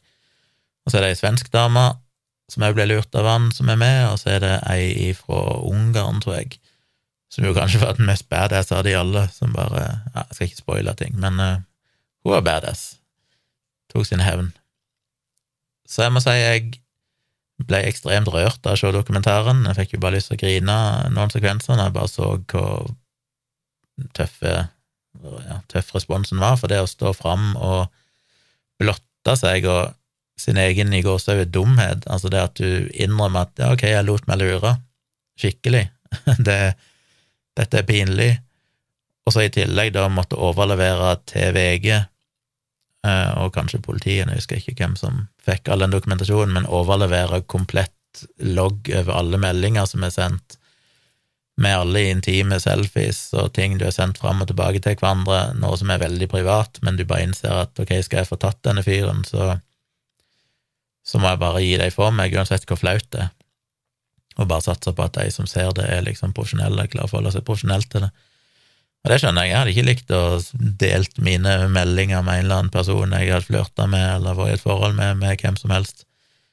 Så ekstremt, ekstremt tøft av de, og ekstremt frustrerende hvordan det går an å bare slippe unna med det. Han endte jo ja, Jeg kan ikke annet enn å spoile bitte grann hvis ikke dere vil Hvis ikke dere har sett det og føler at det spoiles, får dere skippe, men uh, kanskje litt seint å si det nå. Men jeg føler at de fleste sikkert har sett det før meg, så men han endte jo opp, og det har dere kanskje sett i avisene òg, han endte jo opp med å, få en liten fengselsstraff som var ganske kort, og så kom han ut igjen, og så virker det som at han er i full drift igjen nå. Uh, som er ekstremt frustrerende, at sånne folk bare kommer seg unna med det hver gang. Det er så typisk at sånne psykopater sitter jeg her og hikker, sorry. Psykopater, noen mennesker, at det er vanskelig å få stoppa dem. Og så kan de gjøre så mye skade. Hvis du går og stikker en kniv i noen, så blir du tatt og straffa, forhåpentligvis. Det er iallfall lettere å dømme deg for det. Men hvis du ødelegger livene til noen gjennom trusler og økonomisk lureri og alt mulig sånn, så er det liksom litt vanskelig ofte å få tatt noen over lengre tid, eller iallfall få straffa de skikkelig for det, selv om konsekvensene av det kan være minst like ille som eh, det å bli stukket med en kniv i en eller annen situasjon. Så det er frustrerende. Og så er det jo interessant å se dette livet som rike folk lever. Um, nå var jo riktignok ikke han rik egentlig, da, men han klarte jo å bli rik gjennom å bruke andre sine penger. Og det er så, det er så hinsides, det vi tenker på. Jeg mener, Vi har vel en idé, og det er mulig jeg snakker bare for meg sjøl, men vi har vel en idé om at ja, vi lever et sånn middelklasseliv, de fleste av oss, og så er det folk som er rike, som kan ha finere biler og større hus og sånn. Men det er jo ikke den type rikdom vi snakker om her. Det vi snakker om her, er jo folk som blåser liksom 100 000 om dagen på de meste Altså, de har Du må nesten se det, eller se tilsvarende dokumentarer. Det er litt som å se altså Vi, vi klarer bare ikke å forestille oss hvor mye penger det faktisk er snakk om, det som menneskene har. Hvor absurd liv de lever, rent sånn luksuriøst sett. Det er bare så helt hinsides alt vi klarer å fant... Altså, jeg vet ikke hvordan jeg skulle klart å bruke den mengden penger hvis jeg hadde hatt det. Det hadde jeg sikkert klart. For når du først får den type penger, så klarer du fort å bruke de opp. Men, men det er bare så helt latterlig altså, hva for en luksus de lever i. Det er, ikke, det er ikke bare snakk om at de har litt finere bil og litt større hus, men det er, det er bare å ha tilgang på alt du kan tenke deg. Det er bare ingen grenser. Og igjen, det da holdt jeg på å si, den ekstreme sosialisten i meg kommer fram, litt som da jeg snakket for lenge siden i en podkastepisode om eh, Jeffrey Epstein, som var litt samme greia, den enorme luksusen han levde i, og hvorfor en trussel det er mot demokratiet, fordi dette er mennesker som som har så mye makt gjennom pengene sine at det er vanskelig å stoppe dem. Bare se på Epstein, hvor lenge han fikk holde på med sine ekstreme greier, selv om politiet visste om det egentlig i mange år, men han klarte å kjøpe seg inn på de rette plassene og bruke penger på de rette plassene og få stoppa etterforskning og Altså, det, det disse folkene slipper unna med, er bare så grotesk å tenke på. Det er ikke bare snakk om at det er motbydelig at de bruker så mye penger, når du tenker på hvor vanskelig folk i verden har det, men òg bare det de kan gjøre av kriminelle greier og aldri bli tatt for. Altså, penger gir så mye makt og immunitet når du har nok av de, at det er et demokratisk problem, og det er da jeg tenker at men, men, det er da jeg blir litt sånn rødt, at det bør være ei øvre grense for hvor mye penger et menneske faktisk kan ha, ikke bare fordi at eh, det er urettferdig med tanke på fordeling av verdier i verden, men fordi det rett og slett er en trussel mot sikkerheten til andre mennesker, at det er mennesker som har så mye penger. Men det er en stor debatt, skal ikke ta den her. Men jeg anbefaler iallfall dokumentaren på det varmeste, og angrer litt på at jeg ikke så den tidligere og fikk med meg alt som skjedde i VG og sånne ting.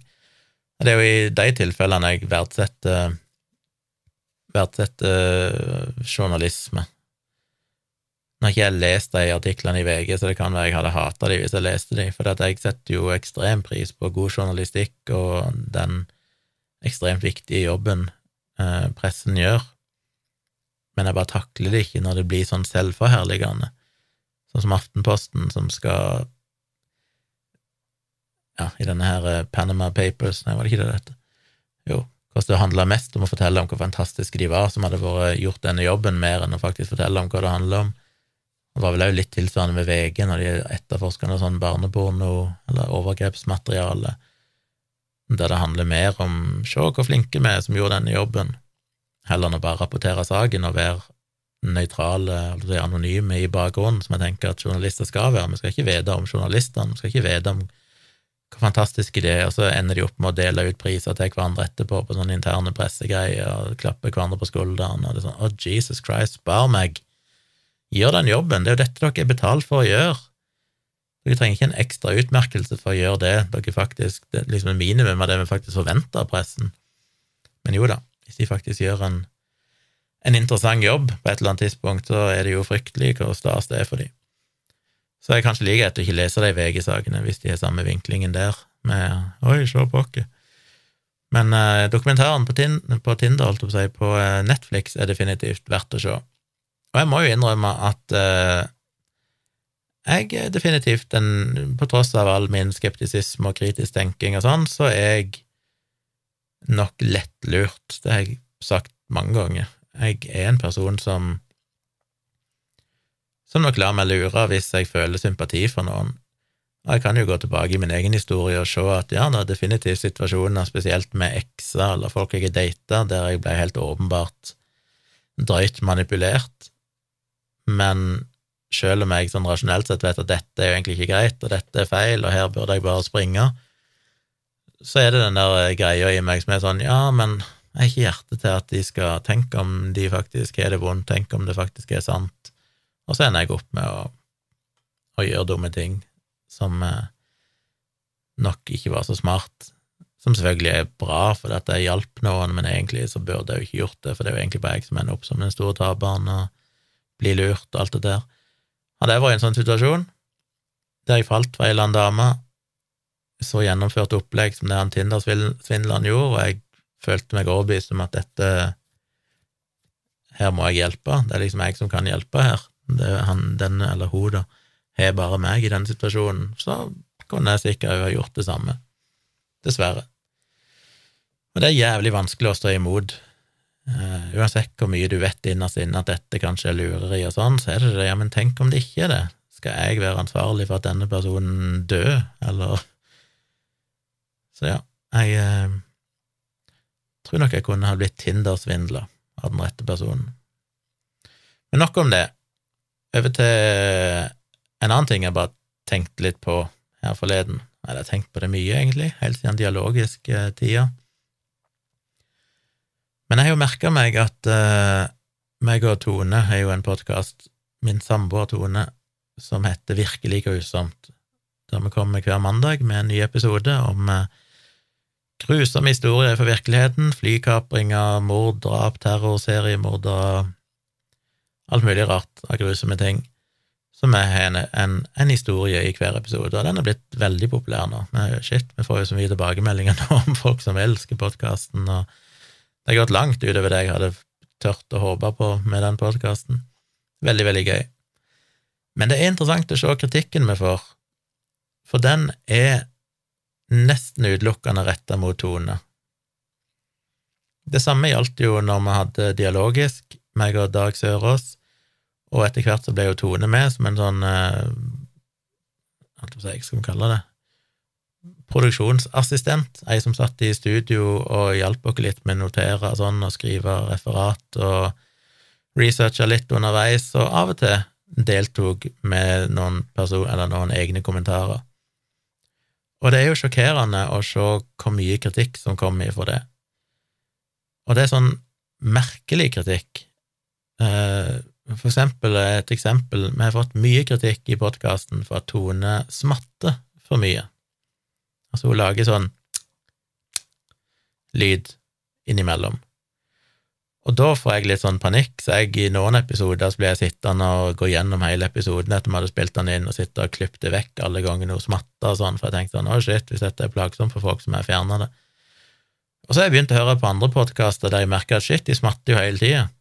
Disse folkene òg, hele tida, hver gang de tenker seg om, hver gang de liksom må svelge og skal begynne å snakke igjen, så kommer det sånn først. Og jeg skjønner at noen henger seg veldig opp i sånne lyder og syns det er plagsomt, men det er ikke veldig unikt.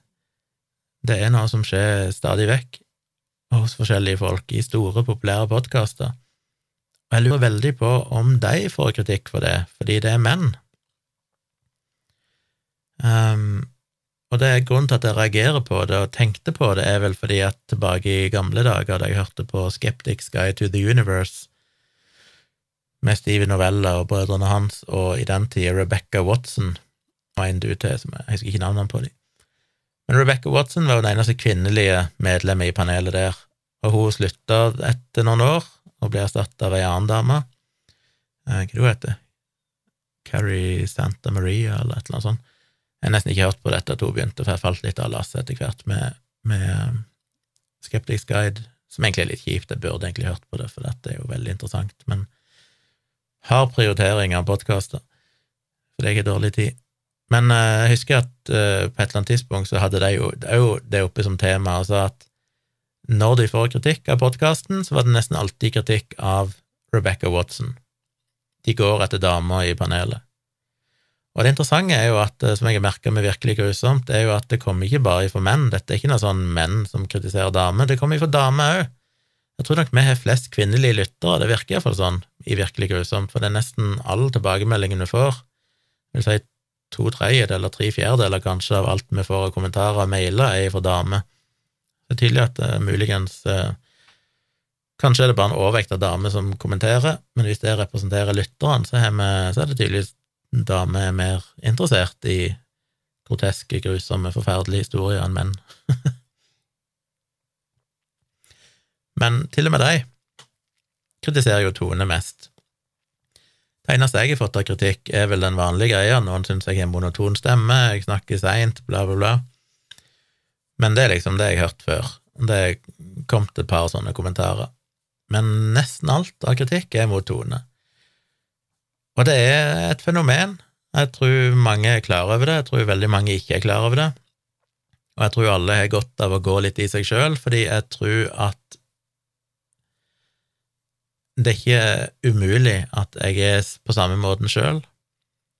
Ikke fordi at jeg vil det, men at jeg av en eller annen grunn kanskje òg er mer kritisk til damer.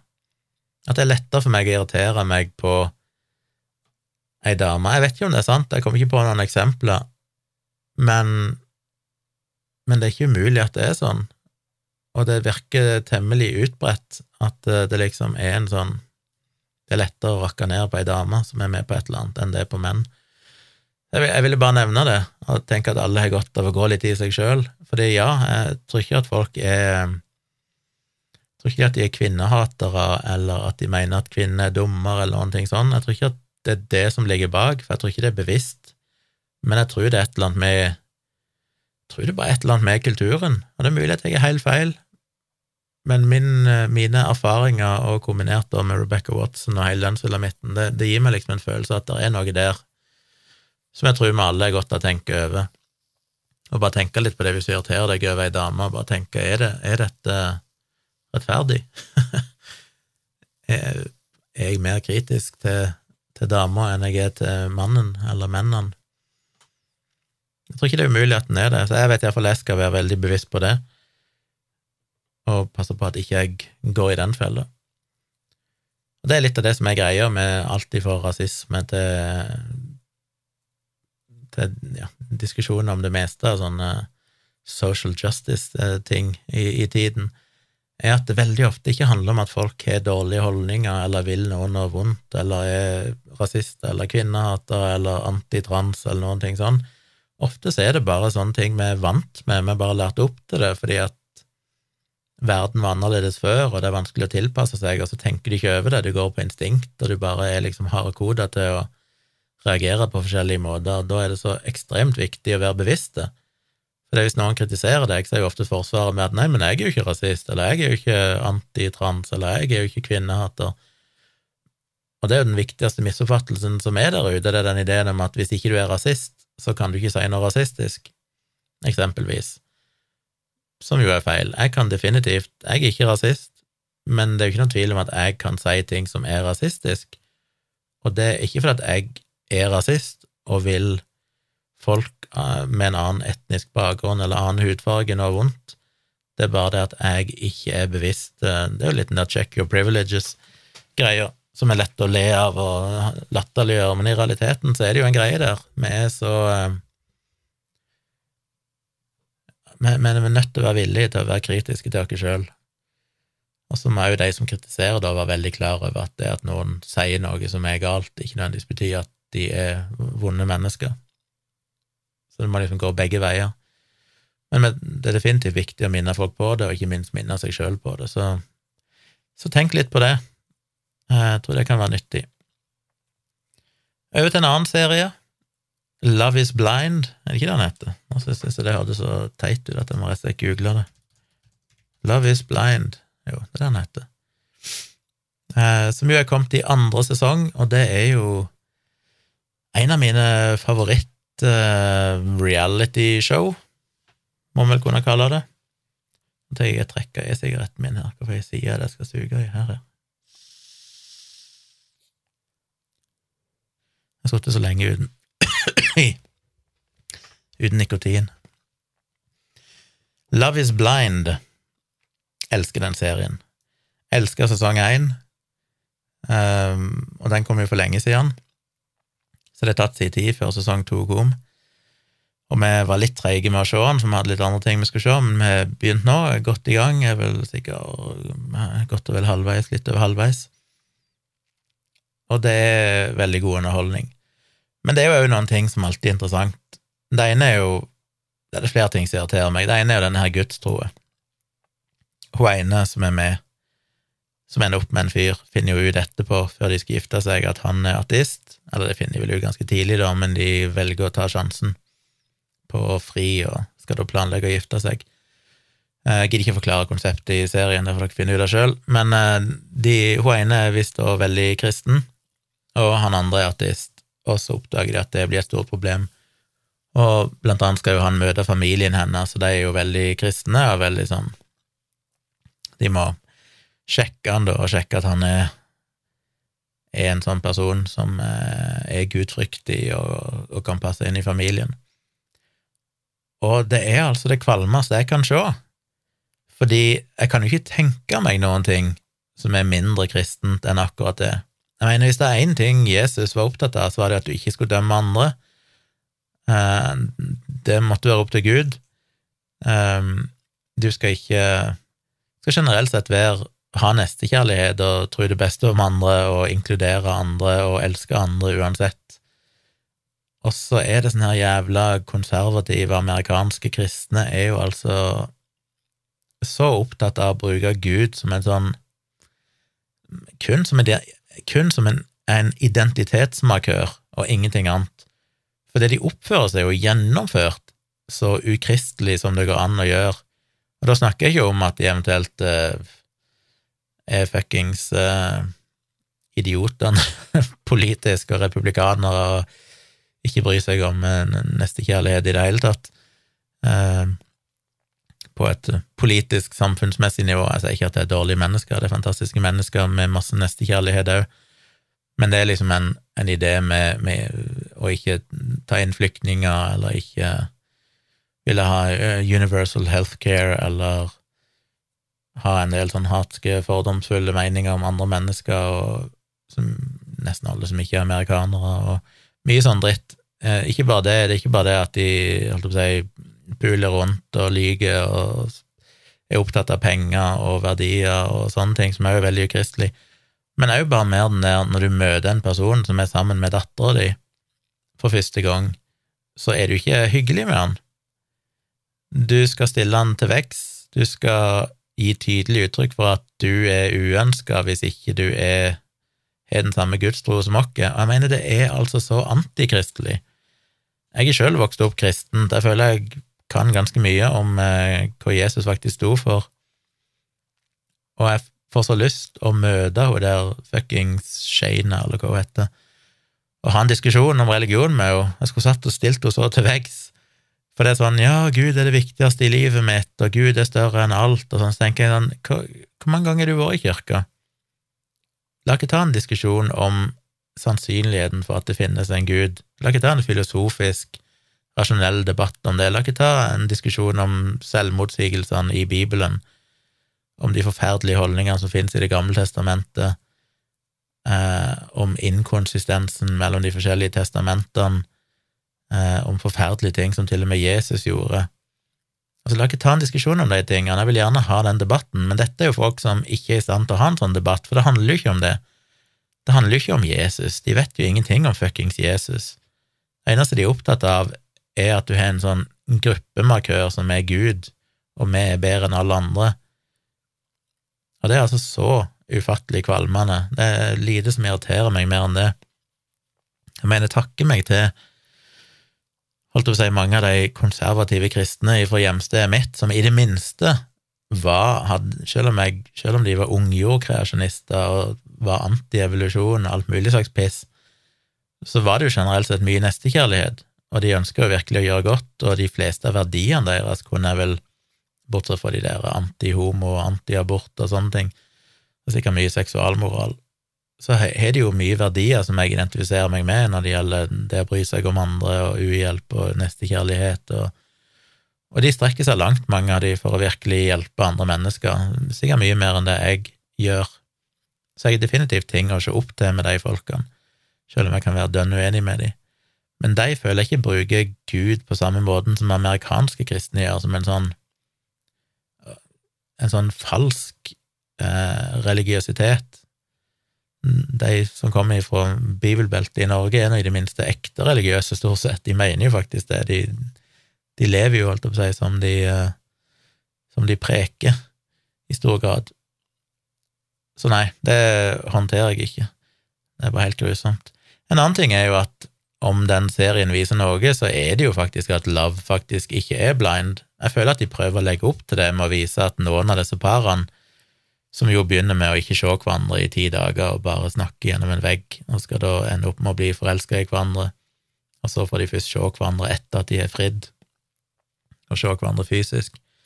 De legger liksom opp til at eh, oi, se, disse parene eh, hadde ikke sett hverandre, men de ble begynte å elske hverandre bare gjennom eh, samtalen, og det å liksom bli kjent med hverandres indre og personlighet, og så ser de hverandre, og så vil de fortsatt ha hverandre.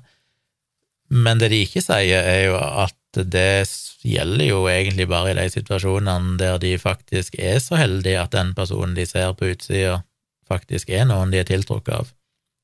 Og så er det jo noen som oppdager at 'å, jeg var ikke så tiltrukket av den personen allikevel', og det går jo som regel ikke bra. Og så får vi sikkert ikke sett alle de, de blir vel redigert ut av serien, regner jeg med, de som faktisk var sånn 'oi, shit, hun, hun er faktisk ikke interessert i allikevel', når jeg faktisk får se henne. Så jeg føler jo at sånn love is blind, og hele, hele premisset er jo da at ja, love is blind hvis du da tilfeldigvis er blant de som faktisk syns den du ser på utsida da, er attraktiv. ja, da er jo love blind fordi utseendet faktisk matcher det du håpte. Så det er jo litt irriterende. Og så er det jo den ideen om at Love is blind, det handler jo ikke bare om Det er lett å, å ha den ideen om at ja, men det er så overfladisk å bry seg om utseendet og bla, bla, bla, og denne serien viser at det er jo det indre som teller og sånn. Men det handler jo ikke bare om utseendet, det handler jo òg om andre ting. Jeg husker jo eh, da jeg eh, ble singel etter mitt lange niårige forhold med mor til min datter, så etter ei stund så gikk jeg jo på det var ikke noe Tinder og sånn da, men da var det vel Hva var det for noe? Det var blant annet på sukker.no, og så var det vel møteplassen.com. Jeg lurer på om det var der jeg ble kjent med ei som bodde borte i Oslo, eller jeg bodde jo da på Tonstad i den tida. Og vi fant jo veldig tonen, og jeg fikk sett bilder av henne, syntes hun var attraktiv, og vi chatta. Hun ble liksom sånn, jeg gleda meg til å komme hjem fra jobb hver kveld, for da var det å sitte og chatte med henne, og vi delte liksom alt, og plutselig så oppdaga jeg shit, her er det jo noen som er mer lik meg enn det jeg hadde trodd. Dette er litt sånn love is blind på at jeg hadde sett henne i tillegg, da, men, men, det var den der følelsen av at oi, denne type samtale jeg aldri opplevd før. Dette var liksom Dette er en person som får meg til å føle meg heil, på et vis. Uh, men så tok det ganske lang tid før vi møttes. Det var liksom sånn to-tre måneder eller sånn, tror jeg vi bare chatta før jeg da skulle til Oslo, og vi avtalte å treffes. Og så møttes vi, og begge var jo helt innstilt på at vi hadde funnet kvinnen slash mannen i vårt liv, og så var det bare ingenting der når vi møttes. Og det var altså så flaut for begge to, for det var litt sånn dagen etterpå, så var det sånn eh, etter vi hadde chatta intenst hver eneste dag i månedsvis, dagen etter vi hadde møttes, så var det ingen som sendte melding til den andre. Og jeg husker ikke om det var bare seint på kvelden dagen etterpå, eller om det gikk mer enn en dag, men så var det liksom en av som skrev sånn hei, og så var det jeg husker ikke hvem av som skrev det først, men en av skrev iallfall sånn ja, det ble vel kanskje ikke helt sånn som vi hadde håpet på, og det gjorde det jo ikke. Og hvorfor var det? Det var jo ikke egentlig utseendet, for jeg hadde sett det, og hun hadde sett meg, men det var bare et eller annet sånn udefinerbart ja, vi hadde verdens beste kjemi når vi chatta sammen og sånn, men jeg tror for meg, husker jeg blant annet, jeg reagerte på lukten hennes. Det var sånn Å, denne lukten eh, Ikke at hun lukta vondt eller noe sånn, men, men det var bare Den lukten resonnerte ikke med meg. Og så var det sikkert noen sånne subtile bare ting i oppførsel og et eller annet umulig å sette ord på, eller sette fingeren på. Men for meg så er jo lukt blant annet veldig viktig. Jeg blir jo veldig betatt bare ei dame lukter godt, men så kan jo ei dame lukte feil, og så er det bare sånn dette vet jeg ikke om funker helt. Så ja, eh, Love is blind er liksom En kan selvfølgelig snakke om hvor overfladisk det er å bare bry seg om utseende og sånn, men det å faktisk møte en person handler jo mer enn bare, enn bare utseende. Du kan jo faktisk ha sett bilder, video og alt mulig, og allikevel så mangler attraksjonen når du faktisk møter en person fysisk. Og det kunne jeg kanskje òg ha. Selvfølgelig så bryter jo det litt med premisset, der liksom alt handler om at det skal ikke være fokusert på utseendet og hvor sexy og hot du er, men, men, det er jo mer enn bare det som er viktig. En siste ting som alltid interesserer meg, eller irriterer meg, eller overrasker meg med de seriene, jeg vet ikke om det er bare når de legger opp til for liksom narrativet i serien, eller om det faktisk er sånn, men det er jo dette her med og det er vel altså, Det vet vi jo, amerikanere er jo mye mer opptatt av familie enn det nordmenn er. Og det er jo fordi at i Norge har vi en veldig et godt sosialt uh, Hva heter det Støtteordninger og sånn. Altså, vi er mye mer individualistiske. Vi flytter ut ifra familien sitt hjem ganske tidlig og får ikke jobb og tjener egne penger. Mens i USA og mange andre land så er det mye mer vanlig at du bor hos foreldrene dine til du er mye eldre, for at du har ikke de støtteordningene, du har ikke den økonomien eh, som du har i Norge. Så familien blir mye viktigere hvis ikke du har et, eh, et helsevesen som sikrer at du får gratis behandling når du trenger det, sånn som er i Norge, men derimot lever i USA, der det er sånn at du blir ruinert hvis ikke du har en helseforsikring, så er det klart at det å ha familie til å ta vare på deg blir mye, mye viktigere i et land som USA enn det gjør i Norge. Så det, det, er klart det er en helt annen dynamikk der, med tanke på familie. Og så er det jo sånn da i Love is blind òg at de må liksom møte familien eller foreldrene til hverandre, og det er så viktig hva foreldrene mener. Og det er sånn det, det er vel ikke et eneste forhold jeg har vært i at jeg kunne brydd meg mindre. Selvfølgelig har jeg lyst til at foreldrene mine skal like vedkommende. Jeg har jo lyst til at de skal komme godt overens og alt mulig sånn men jeg kunne ikke falt meg inn og tenkt tanken at, at uh, det betyr noe for meg hva mine foreldre måtte mene om min partner. Hvis jeg er forelska i ei dame, jeg liker ei dame, jeg har lyst til å være med den dama, så er det ikke sånn at hvis foreldrene mine er skeptiske, så blir jeg sånn å ja, da bør jeg òg være skeptisk. Da er det bare blitt sånn ja, ja, uh, de får mene hva de vil, det påvirker ikke meg i det hele tatt.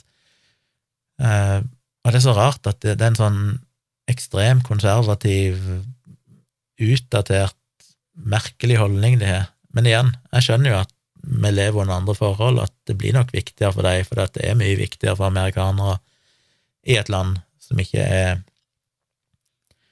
er så holdt på å si, har et så bra støtteopplegg som det Norge har. Så er det jo selvfølgelig viktigere at familien funker. Mister du jobben, så får du ikke noe penger i USA på samme måte som du gjør i Norge, og du trenger en familie du kan leve hos, og som kan hjelpe deg økonomisk. Og da blir det jo viktigere selvfølgelig at familien kommer overens med partneren din. Sikkert. Det bare føles veldig, veldig rart at de er så fuckings opptatt av hva foreldrene skal mene, og de må liksom godkjenne de og give their blessings, og, og alt står og faller på det. De, og, og bare generelt sett hvor ekstremt opptatt de er av mødrene sine Altså, amerikanske menn det er liksom alltid bare 'mamma, mamma, mamma'. Hun er alt for meg, hun er det viktigste for meg. Det er ikke måte på hvor viktig mamma er for alle sånne her folkene. Som bare høres helt merkelig ut i sånn skandinavisk eller nordeuropeisk perspektiv. Det virker så fjernt. Men bortsett fra alt det, så elsker jeg jo serien. Veldig uh, underholdende å merke at jeg blir litt sånn som sitter og tidvis må liksom rope litt til skjermen sånn 'Skjerp deg, ikke gjør det'. Blir litt for revet med. Og litt interessant at jeg òg møter en del sånne egne fordommer der jeg liksom tenker at å, han der er sånn en fuckings douchebag. Og så fire episoder seinere så merker jeg at ja, ja, han viser seg jo faktisk å være den kanskje mest fornuftige av de. Så jeg merker jo det at jeg er ganske forutinntatt ofte med enkelte typer karakterer der jeg bare tenker at den type folk hater jeg, de er jo grusomme, og så viser det seg at ah, de var faktisk ganske bra likevel. Så ja, Love is blind. Jeg sier så ja, ganske mye. Det, det er liksom min, min eh, ekvivalens til Dag sin Jeg vet da faen. Jeg sier så ja, og så går jeg videre. Til det siste jeg skal snakke om, hvis jeg klarer å snakke om det, fordi det er så fuckings komplisert, er jo et tips jeg fikk ifra Karoline, som eh, har sendt meg en link til en studie som mange deler, der hun spør om jeg vet hva han egentlig sier, og hvor troverdig han er, og hun skjønner han ikke helt. Og det var jo så vidt interessant, fordi jeg hadde, før jeg fikk mailen, så hadde jeg jo fått med meg at det var en diskusjon om det. Jeg har ikke sett noen del av den studien, blant annet fordi jeg følger jo ikke med i de plassene der sånn idioti stort sett blir delt. Men eh, jeg hadde jo sett på Twitter at allerede en del sånne oppegående folk hadde vært ute og kritisert studien. Og det er vel en eh, svensk studie som veldig kort forklart sier at eh, de, eller det folk leser ut av den, eller gjerne misforstår, og som de går altfor langt i å hevde i studien uten dokumentasjon, er at covid-vaksinene, spesielt de mRNA-vaksinene, faktisk kan endre DNA-et ditt. Og det er jo en seriøs studie utført ved et seriøst altså Det er vel Lund universitet i Sverige som er etablert og prestisjefullt og alt dette her. Gammelt og prestisjefullt. Men hvis du dykker ned i studien, så er det jo fryktelig mye problemer. Og så er jo spørsmålet hvordan i all verden skal jeg forklare de problemene på en forståelig måte, fordi dette er veldig kompliserte greier. Eh, så før jeg sier noen ting, så vil jeg bare si at jeg kommer til å linke til en helt ny artikkel som kom bare for et par timer siden, fra David Gorski på Science Based Medicine, der han går gjennom dette. I tillegg skal jeg lenke til en eller to Twitter-tråder der folk prøver å liksom break down hva dette egentlig sier. Studien heter jo Intracellular Reverse Transcription of, of Pfizer BioNTech COVID-19 mRNA Vaccine BNT162B2 in vitro in human liver cell line. Og jeg kan virkelig ikke forklare det detaljert, fordi det går over hodet mitt òg. Du må liksom ha en eller annen grad i molekylærbiologi for å forstå alt. Men jeg kan bare komme med noen punkter. Altså, Den korte takeawayen er at nei, de fant ikke at vaksinene faktisk kan endre DNA-et ditt. Det er liksom Det er det du trenger å vite. Men det er jo ikke bare en avfeining, det er jo faktisk veldig god grunn til at de ikke fant det, og det er jo det du kan lese om i disse artiklene og Twitter-trådene, der de går litt mer i detalj. Men bare for å si litt om hva studien var, så var jo dette dette er ikke noe de har funnet i mennesker. Dette er jo, som tittelen sier, en in vitro-studie, altså en studie på cellekultur, holdt på å si, basically i en petriskål eller reagensrør på et laboratorium. Og det de har brukt, er en cellelinje som heter HUH7, som er dyrka fram av noen kreftceller ifra leveren til en japansk 52 eh, år eller sånn gammel mann, som ble høsta, tror det var tidlig på 80-tallet. Og det er jo mange sånne cellekulturer som blir brukt i forskning. Eh, blant annet blir jo noen av de brukt, brukt i utvikling av medisiner og vaksiner. Det er jo alltid den evige, det er derfor noen påstår at det er celler fra aborterte foster i vaksinene. Og det skyldes at noen av de mest kjente cellelinjene er høsta fra for eksempel nyre eller lungevev i aborterte foster tilbake igjen på 60- og 70-tallet. Og celler kan jo normalt sett ikke dele seg uendelig, de deler seg et visst antall ganger før de egentlig dør eller brytes ned. Men disse cellekulturene er jo litt spesielle celler som de har klart å dyrke fram, og har en sånn egenskap at de kan dele seg uendelig. Så de cellekulturene ifra de enkelte av disse cellelinjene da, har jo da eksistert gjerne i mange tiår, noen helt ifra 60-tallet der det jo ikke er de samme cellene som var i dette aborterte fosteret, og det igjen, bare for å understreke det, og jeg har skrevet om det mye i bloggen min, Men dette var jo ikke foster som ble abortert for å brukes til medisinsk forskning, men det var uh, Ja, det var foster, eller aborter som ble utført for å redde mora sitt liv, blant annet. Uh, så det er, jo, det, det er jo ikke de samme Akkurat som de cellene du har i huden din nå, er ikke de samme som du hadde i fjor, selv om du er samme person. Cellene deler seg, det blir nye celler hele tida, de gamle dør.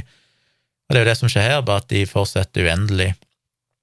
Og derfor så er det jo på en måte fortsatt de samme cellene som eksisterte i disse, for eksempel fosteren, eller i leveren til denne kreftsyke japaneren, men det er samtidig ikke de samme cellene. Og det, de blir jo ikke brukt i vaksinene, de blir jo bare brukt til å dyrke fram virus som uh, brukes i vaksinene. Så det er jo ikke faktiske celler i vaksinene fra disse fostrene, for eksempel. Men her har de brukt en cellelinje da, som er spesifikt kreftceller kreftcelle fra en kreftsyk japaner, som heter HUH7, som de brukte å, gjøre forskjellige eksperimenter med, og er blitt gjort det da siden 80-tallet.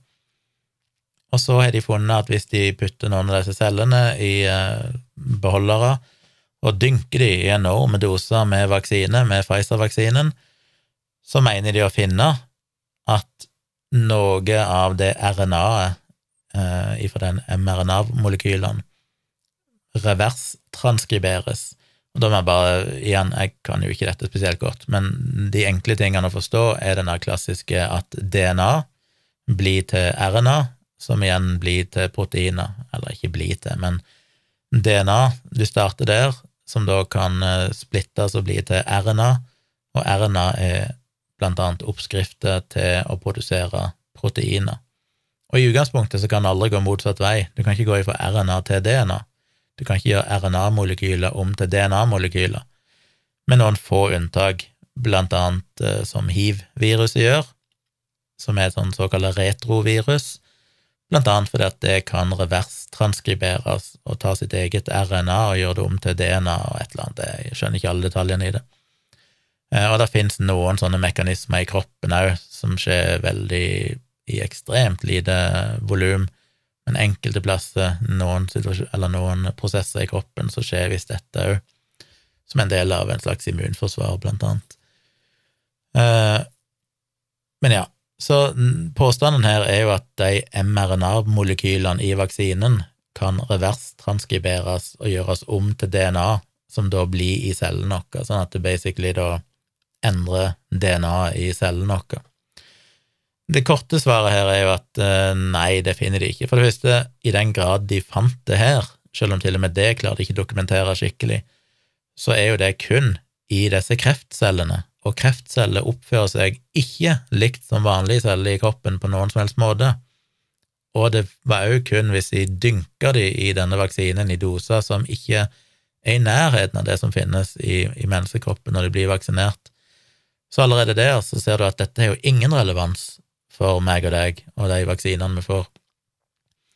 Men i tillegg så er det jo brukt metoder som i praksis er at de har rigga systemet for å finne den effekten, og så sier de etterpå at 'å, vi fant den effekten', eh, som jo ikke er spesielt interessant. Og det er òg diskutert, som sagt, om de egentlig fant det de hevda de fant, for at måten de målte det på, var veldig dårlig. De brukte en PCR-test og testa bare et bitte lite segment av DNA-et som er unikt for disse mRNA, eller disse piggproteinene, som mRNA er kode for og så mener de at de fant det, men det eneste de da i så fall har bevist, er at de fant den bitte lille fragmentet, og ikke Ja. Og i worst case så vil det kanskje da påvirke noen celler, men de vil ganske fort dø ut, og det vil ikke ha noen større konsekvenser for kroppen, det er vanskelig å forestille seg det. Eh, og så er de da selvfølgelig unnlatt å gjøre masse tester som alle andre sier at dere burde gjort den og den og den testen, for å faktisk finne ut om dere fant det dere hevder dere fant, men istedenfor så er de bare droppa å gjøre masse viktige tester, og så bare spekulerer de da i konklusjonen med at basert på disse resultatene så mener vi at vi kanskje har funnet at dette og dette kan skje, men de er jo ikke sikre. Men de valgte da tydeligvis å, å ikke gjøre de testene, som mest sannsynlig da ville ha avkrefta funnet deres. Så det er en sånn veldig overfladisk eh, gjennomgang av problemstillinga her, og hva denne studien faktisk hevder å finne, og, og hvorfor de neppe fant det. Men vil dere lese mer detaljer som går mer inn i liksom molekylærbiologien i dette, og hvordan DNA og RNA og mRNA og reverstranskriptase, disse enzymene som eh, gjør at du kan konvertere RNA til DNA, og hvorfor disse eksperimentene ikke var spesielt gode, og alle sånne tingene her, så vil jeg anbefale dere å sjekke ut linkene i shownotes, der jeg skal poste det.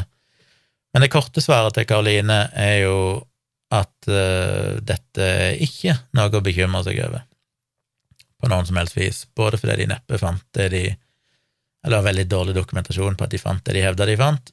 Mm, hvis de fant det, så var det under ekstremt kunstige forhold som ikke oppstår i kroppen, og i tillegg var det jo da på en spesiell kreftcellekultur eh, som ikke er sammenlignbar med våre vanlige friske celler på noen som helst måte. Så helt totalt irrelevant. Men selvfølgelig så går jo folk bananas, for det en eller annen person lenker til den studien og påstår at han har funnet at det endrer DNA, og så vil jo 99,9% av alle som ser det, ikke ha noen som helst forutsetninger for å faktisk forstå om det er det studien egentlig viser. Men det høres jo veldig seriøst ut, for det er jo en studie der, og hvis det er en studie, så må jo det være sant. Så da deles det videre, og folk tenker at oi, shit, nå har de funnet noe skummelt her. Og så glemmer de at kanskje de burde grave litt i det og se hva faktiske kritiske eksperter sier om dette. Stemmer det faktisk, det disse folkene hevder? Og det gjør det jo ikke. Så det er jo problematisk, spesielt når det er så komplekst som dette.